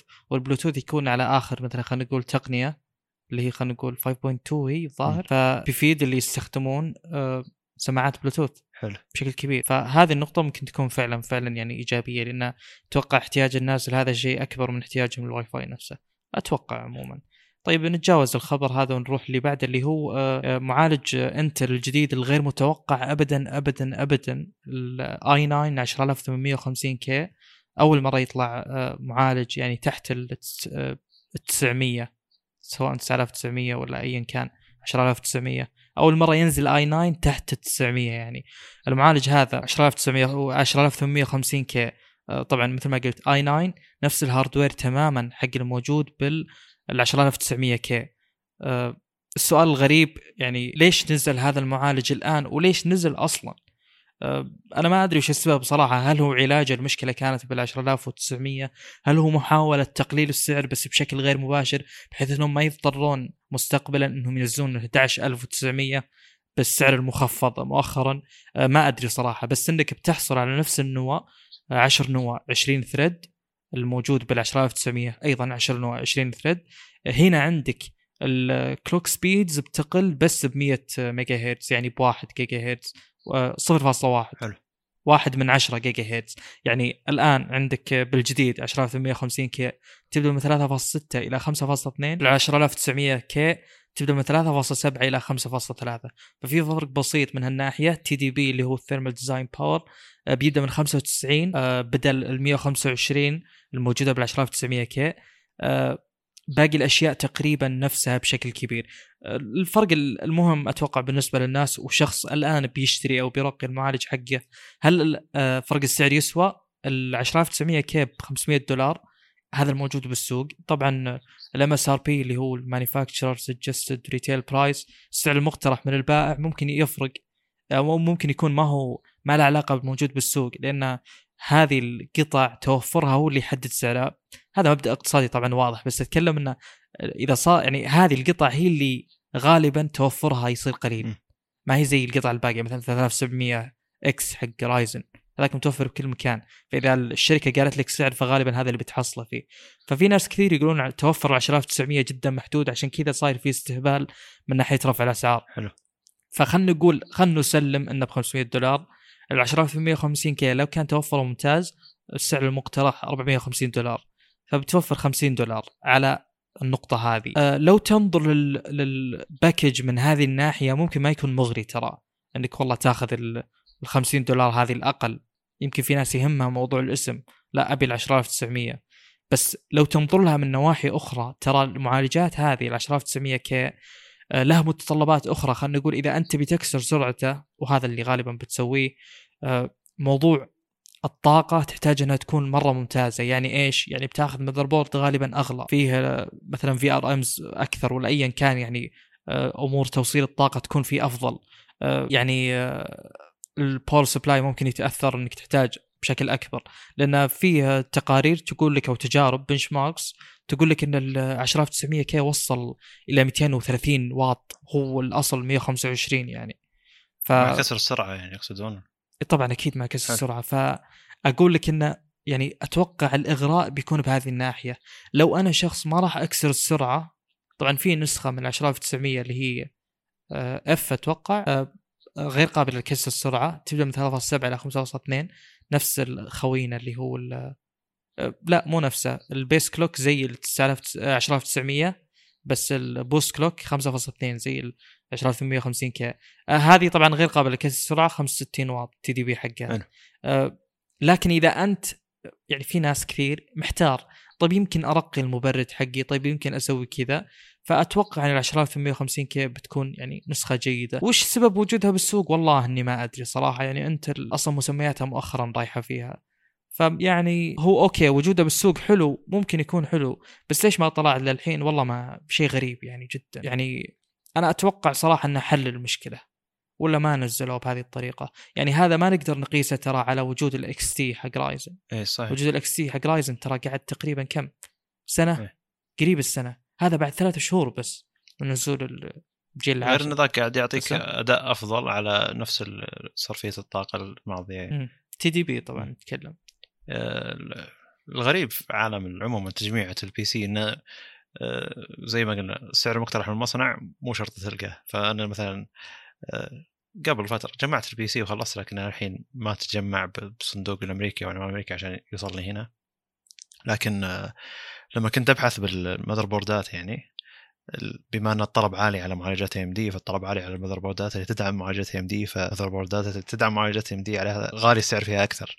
فلما تجي تدور مع يعني motherboard أصلا هو رخيص السعر المقترح من ال... من مصنع يعتبر رخيص يعني أو المصنع. آه ف لكن أجي ألقاه بسعر غالي وأدور باي مكان ألقاه بسعر غالي. يا رجال المعالجات AMD 3600 الحين تقريبا 175 160 دولار. و 3300 X اللي هو نازل قبل فترة على أساس إنه يكون آه، رباعي رباعي انويه لكن اداءه يعتبر عالي وممتاز الحقين اللي يبون الألعاب يعني بسعر رخيص. السعر المقترح له المفروض إنه 110 دولار لكنه واصل 170 دولار فتقدر تاخذ 3600 أو 3300 X بنفس السعر.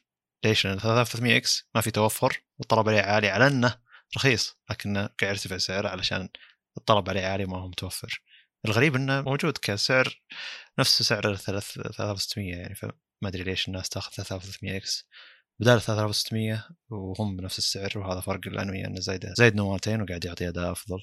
إذا يهمك الألعاب بس يمكن يعطيك 3300 X يعطيك أداء أفضل كأرقام يعني أو تجارب. هو شيء ناقشناه ناقشناه كثير فلو دخلت فيه أعرفني بطول. إي حلو بس أقصد إنه هل تأخذ خلينا نقول 3900 K. هو طبعا بالنسبة لي أكثر خيار مريح حاليا بالذات بهذه الفئة. يعني مستحيل صراحة آخذ ال...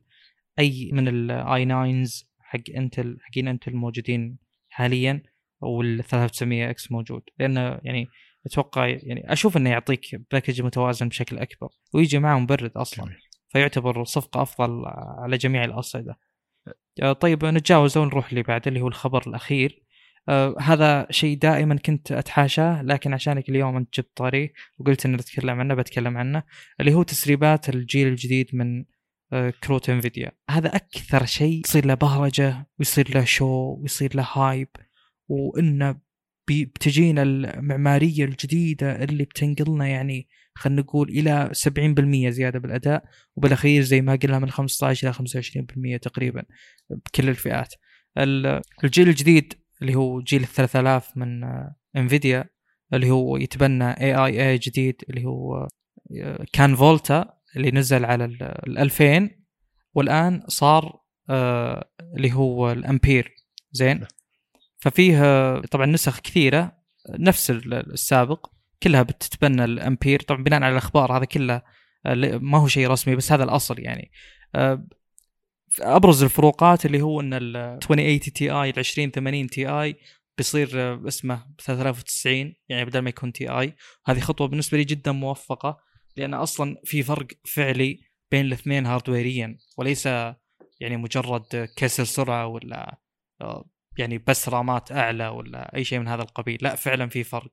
ف يعني ك naming convention على قولتهم أنا أرحب بهذا الشيء. الأمور الأخرى المواصفات آه، طبعا المواصفات هذه وعدد النواة ما تعطيك أي انطباع وأنا أعيد وأكرر بهذا الموضوع بشكل جدا كبير. أنت ما تقدر تحكم على خلينا نقول سرعة أو أداء الكرت هذا بناء على فقط اللي هو عدد النواة ولا التردد حق كل يعني كرت. أه بتكلم عن الأسعار ثم خلينا ندخل بالمواصفات. أه كل الناس قاعدة تنتقد موضوع الأسعار. أه فئة التي اي بالنسبة لل 2080 ارتفعت بشكل كبير عن ال 1080 Ti ال 2080 Ti كان ب 1200 دولار. هذا ال 380 Ti ب 1400 فزيادة 200 دولار. وال Founders Edition يقولون بتصير ب 1500 دولار. فشيء غير مرحب فيه ابدا. يعني للأسف اللي يسيطر غالبا يفرض أسعار عالية جدا. ال 380 ال 380 ب 800 دولار. آه، سابقا ما أدري كم ال MSRP بالضبط بس إنه كان ينباع تقريبا ب 650 دولار اللي هو مكان ال 2080 2080 الثالث اللي هو 3070 آه، للأسف أيضا ارتفع 100 دولار تقريبا صار ب 600 دولار. تقريبا هذا سعر ال 1080 على ذاك الوقت تخيل. 1080 ففي ارتفاع كبير جدا بالأسعار لو نشوف بس يعني لو ما ننظر للجيل الماضي لو ننظر للجيل اللي قبله بعد بيبين فرق يعني وارتفاع الأسعار أه آه، للأسف يعني شيء ما نقدر يعني يعني هذا اللي مسيطر على السوق فيفرض اللي يبي. طيب خلينا نتكلم عن المواصفات وبحاول يعني إذا جيت أشرح مواصفات زي هذه المستمع غالبا مو عارف يعني ما عنده reference point كذا شيء أقدر أقارنه فيه فبحاول أجيب مواصفات الجيل الماضي. أول شيء ال Titan آه، مفروض إنه ينزل بعدين مو الآن يعني مو بسبتمبر. آه، 17 سبتمبر غالبا هو المؤتمر اللي بتنزل فيه كل الكروت ال 93 80 و70 المفروض. ال 60 وال 70 Ti ممكن يتأخرون. ف اول شيء ال Titan قلت إنه بيتأخر. آه، عدد النواه مو مهم لأنه أصلا يعني تسريباته هي الأقل. بيكون سعره 2000 دولار وهذا الظاهر نفس سعر ال- ال Titan 1 هذا ال Titan 2 حلو. اللي مبني على امبير هذاك مبني على Volta ال 380 Ti أو اللي هو ال 390 آه، بينزل إن شاء الله ب 17 سبتمبر. آه، لو نقارن بس عدد النواه الموجود بيكون في 5248 CUDA cores اللي هو ال cores حقت ال GPU عموما غير الذكاء الاصطناعي وغير موضوع ال ray tracing ومدري وشو. هذه النواه الأساسية لاي كرت شاشة. آه، بتكون آه، 5248 سابقا ب 2080 Ti كانت 4352 وأعيد وأكرر ما نقدر نحكم بناء على وجود هذه الأرقام فقط. آه، بدل 11 جيجا RAM بيكون 12 جيجا RAM. آه، ففيه زيادة يعني 1000 ميجا بايت 1 جيجا RAM. هل هل هذا الشيء تأثير؟ ما أدري صراحة. وللأمانة ما أتوقع على الألعاب ما أتوقع إنه في تأثير. وهذا شيء دائما أكرره دائما دائما, تعبت وأنا أكرره. اللي هو إنه أنت الآن يوم تفتح أي لعبة مهما كانت ثقيلة وتحاول ترفع يعني تشغل جميع الإعدادات ما راح توصل أعلى شيء. فما أدري كيف هذا الشيء يعني كيف تستفيد من الكروت. ممكن أمور أخرى زي خلينا نقول GPU accelerated features اللي تصير ب Premiere اللي تصير ب يعني أمور 3D وكذا. ممكن هي اللي فعلا تستفيد من هذه الميزات. أه، تقريبا هذا كل شيء يخص يعني القفزة تقريبا خلينا نقول 10% من ناحية أو أكثر شوي 15% من ناحية زيادة نواه هي اللي موجودة على جميع الفئات. ما ودي أذكر ارقام كل فئة لأن هذا الشيء غير مؤكد وأتوقع اللي يهمنا بشكل أساسي الأسعار وفرق الأداء فقط. هذا اللي يهم أي مستخدم. الأمور الداخلية لكروت الشاشة صراحة ما أتوقع تهم نهائيا خصوصا إن أنت مالك إلا Nvidia أصلا. أه شيء يجدر بالذكر بس الجميع يعني من تقريبا سنة قد نزلت thread بتويتر يمكن عشر شهور. آه، وذكرت فيه إن آه، كروت Nvidia ومن ذا الكلام. فردوا عليه أكثر من شخص. قالوا لي ليش ما تتكلم على آه، كروت ال Navi حقت اللي هو Radeon من AMD وانها هي اللي بتغير السوق وكذا. صراحة من زمان إحنا نسمع هذا الكلام إلى الآن ما تحقق. ال- ال Navi بينزل قبل مفروض إنه بينزل قبل Nvidia قبل كروتهم الجديدة. فمفروض إنه يعني على قولتهم يسوي undercut ال Nvidia إنه يبيع قبلهم. هل بيقدمون أداء أفضل؟ واصلا وش الفئة اللي بيوصلون لها؟ هل بيوصلون المنافس لل خلينا نقول 380 على الأقل ولا زي قبل حدهم ال 2070 2070 حلو. آه فهذا الشيء يعني آه أنا ما أحب أتكلم بالتسريبات هذه لأنه والله كل سنة أو مو كل سنة كل ما نزل الجيل الجديد يا جماعة يصير نفس الشيء يصير في ذاك ال hype الكروت الجديدة والكروت الجديدة التسويق ال ray tracing يعني بشكل مو طبيعي آخر شيء ما أدري من يشغله صراحة. بالذات اللي معهم زي 2070 مثلا ما أتوقع إن أحد منهم يشغله. فما ودي يعني أخلي هذا الموضوع آه، hype أكثر مما هو عليه خله ينزل ووقتها نحكم. وأنا مثل ما قلت بأكثر من حلقة من زمان وأنا أقول إن القفزة بتكون زي العادة تماما وما راح يكون شيء ثوري مجرد زيادة بالسعر. وزيادة بالأداء للي فعلا يبي يشتري يعني كروت بهذا السعر. أنا ما أدري إذا شراء الكروت الحالية يعتبر خيار جيد. أنت قلت لي إنه يعتبر خيار جيد صح؟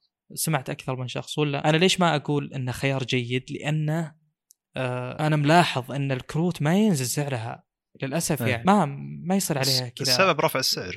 رفع السعر فعلا ممكن يساعد إنه ما ينزلون سعرهم. فللأسف ترى سوق كروت الشاشة سوق حساس جدا. ما عندك خيارات يعني. يعني ما هو اللي والله في شخص اشترى خلينا نقول الشيء الأفضل زي ما يعني نقدر نقول هالشيء على الجوالات. فهذا الشيء فيه آه، جيد وأفضل والأفضل. اختر اللي تبيه بناء على ميزانيتك يعني ما في ذيك الخيارات. خل تدخل بس آه، Radeon بقوتها ويعني تنافس بالفئات العليا لأن هي اللي فعلا عليها الكلام بالذات من ناحية gaming وقتها بيتحسن السوق بشكل كبير زي ما صار ب AMD و Intel. آه، أتكلم آه، شو اسمه Ryzen و Intel. أه ما أدري بس تصوري يعني أو وجهة نظري عموما إن ال hype ورفعه من اللاعبين يعتبر ممتاز علشان إذا جابت الشركة شيء أقل زي اللي اللاعبين يقولون لا هذا أقل من ال hype وزي اللي يجي الشركة انتقاد على إنه مو هذا اللي كنا نتوقعه فالشركة هي ما لها منافس فتقدر تتحكم بالسوق من ناحية اسعار من ناحية إنها ما تطور إلى ذيك الدرجة لكن لما يكون في hype كبير والقطعة ما هي نفس ما هي قد ال hype آه، يكون فيه أقل مبيعات المفروض ويكون المشكلة إذا قلت المبيعات يروح يشتري من النسخة السابقة فالشركة بايعه بايعة يعني. بس المقصد ان إنك ترفع آه، ال hype وترفع الحماس أو التوقعات للقطعة للاعبين والمستخدمين عموما. آه، يخلي الشركة ممكن تفكر إنها تعطيهم شيء أفضل علشان ال hype ما يروح على آه، شيء أقل جودة من المتوقع. فكيف إنه يرفع 25% بس من الأداء ويعطيك سعر أعلى ب 200 دولار ولا 300 دولار. شيء يعتبر جدا مزعج إنه ما في منافسة بالسوق هذا ما في منافسة تخلي أحد ينقص السعر ما في منافسة تخلي أحد يرفع الأداء بشكل قوي بسرعة. آه، بس عموما السوق مستقر شوي إنه كل سنة يزيد 25% ويرتفع السعر لدرجة إنك إذا شريت كرت شاشة تقول يا رجال كل سنتين ثلاثة آه، أبيع اللي عندي وهو أصلا بيبقى سعره ممتاز حتى مع البيع وأزود وأشتري جديد. آه، بس تتمنى مرات يصير بعالم كروت الشاشة اللي صار بعالم المعالجات السنتين الماضية يعني إنه نقص السعر زاد الأداء من شركة ثانية والمنافسة صارت قوية لدرجة ان شركة انخبصت وشركة قاعد تعطي مبيعات سوق بغيض يا رجال. سوق الكروت ميت. سوق بغيض يقول يعني يقهر. هو كذا متوجه لذا الاتجاه ولا في أحد قادر يرد ويسوي شيء. آه، قاعدين نشوف وبس. متفرجين. أيوه فأعتقد إن الناس اللي قاعد يحاولون يرفعون ال hype هذول ناس يخلون الشركة يعني زي اللي أعطينا ال hype اللي إحنا قاعد نسويه خاصة من الناس المدونين ولا المؤثرين في عالم الألعاب. شوف في بعد شيء مزعج أيضا. يعني هذا أمر ما تقدر تقول فيه والله آخذ ال i9 عشان أحتاج multitasking ولا آخذ ال i7 عشان بس أبي ألعاب. ما يف... ما يهمني ال multitasking بالكروت الأغلى هو الأفضل. انتهى. ما في ما في. خلاص هو أفضل بكل شيء. يعني 2080 أحسن من 2070 بكل شيء. كل شيء على الإطلاق. ما في ولا ميزة لل 2070 على 2080 طبعا أكيد بتقول بتلقى شيء اللي هو توفير الطاقة بس هذا أمر ما يعتبر مهم لأن إحنا نتكلم عن الأداء هنا. فللأسف مزعج مزعج جدا قرار اتخاذ كرت. يعني تعرف اللي أنت أحيانا آه، تعتبر شخص مثلا خلينا نقول تبحث قبل ما تشتري وتحاول تأخذ الصفقة الأفضل. الكروت ما فيها كذا. حلو. بين المصنعين okay فرق بسيط أيضا. بس ككرت نفسه لا لا لا ما ما في أي فرق ك PCB يعني. آه شيء مزعج صراحة لأي شخص يعني. للشخص البسيط يعتبر ترى أمر ممتاز. لا تحيرني. الشخص مثلي ومثلك أتوقع يبي ياخذ الشيء الأفضل. ما يقدر يسوي شيء يعني. ما تقدر تتذاكى على الموضوع فهمت؟ هذا اللي يزعجني فيه يعني. جميل. طيب خلصنا أتوقع. اي طولنا. واضح إنك أنت كنت مشتاق إنك تسجل. واضح جد. أي استطراد كثير. تكلمنا بمواضيع كثيرة ودخلنا مواضيع ما هي مدرجة أصلا. عموما شكرا لكم على حسن الاستماع. ونلقاكم إن شاء الله الأسبوع الجاي كالعادة يعني. السلام عليكم.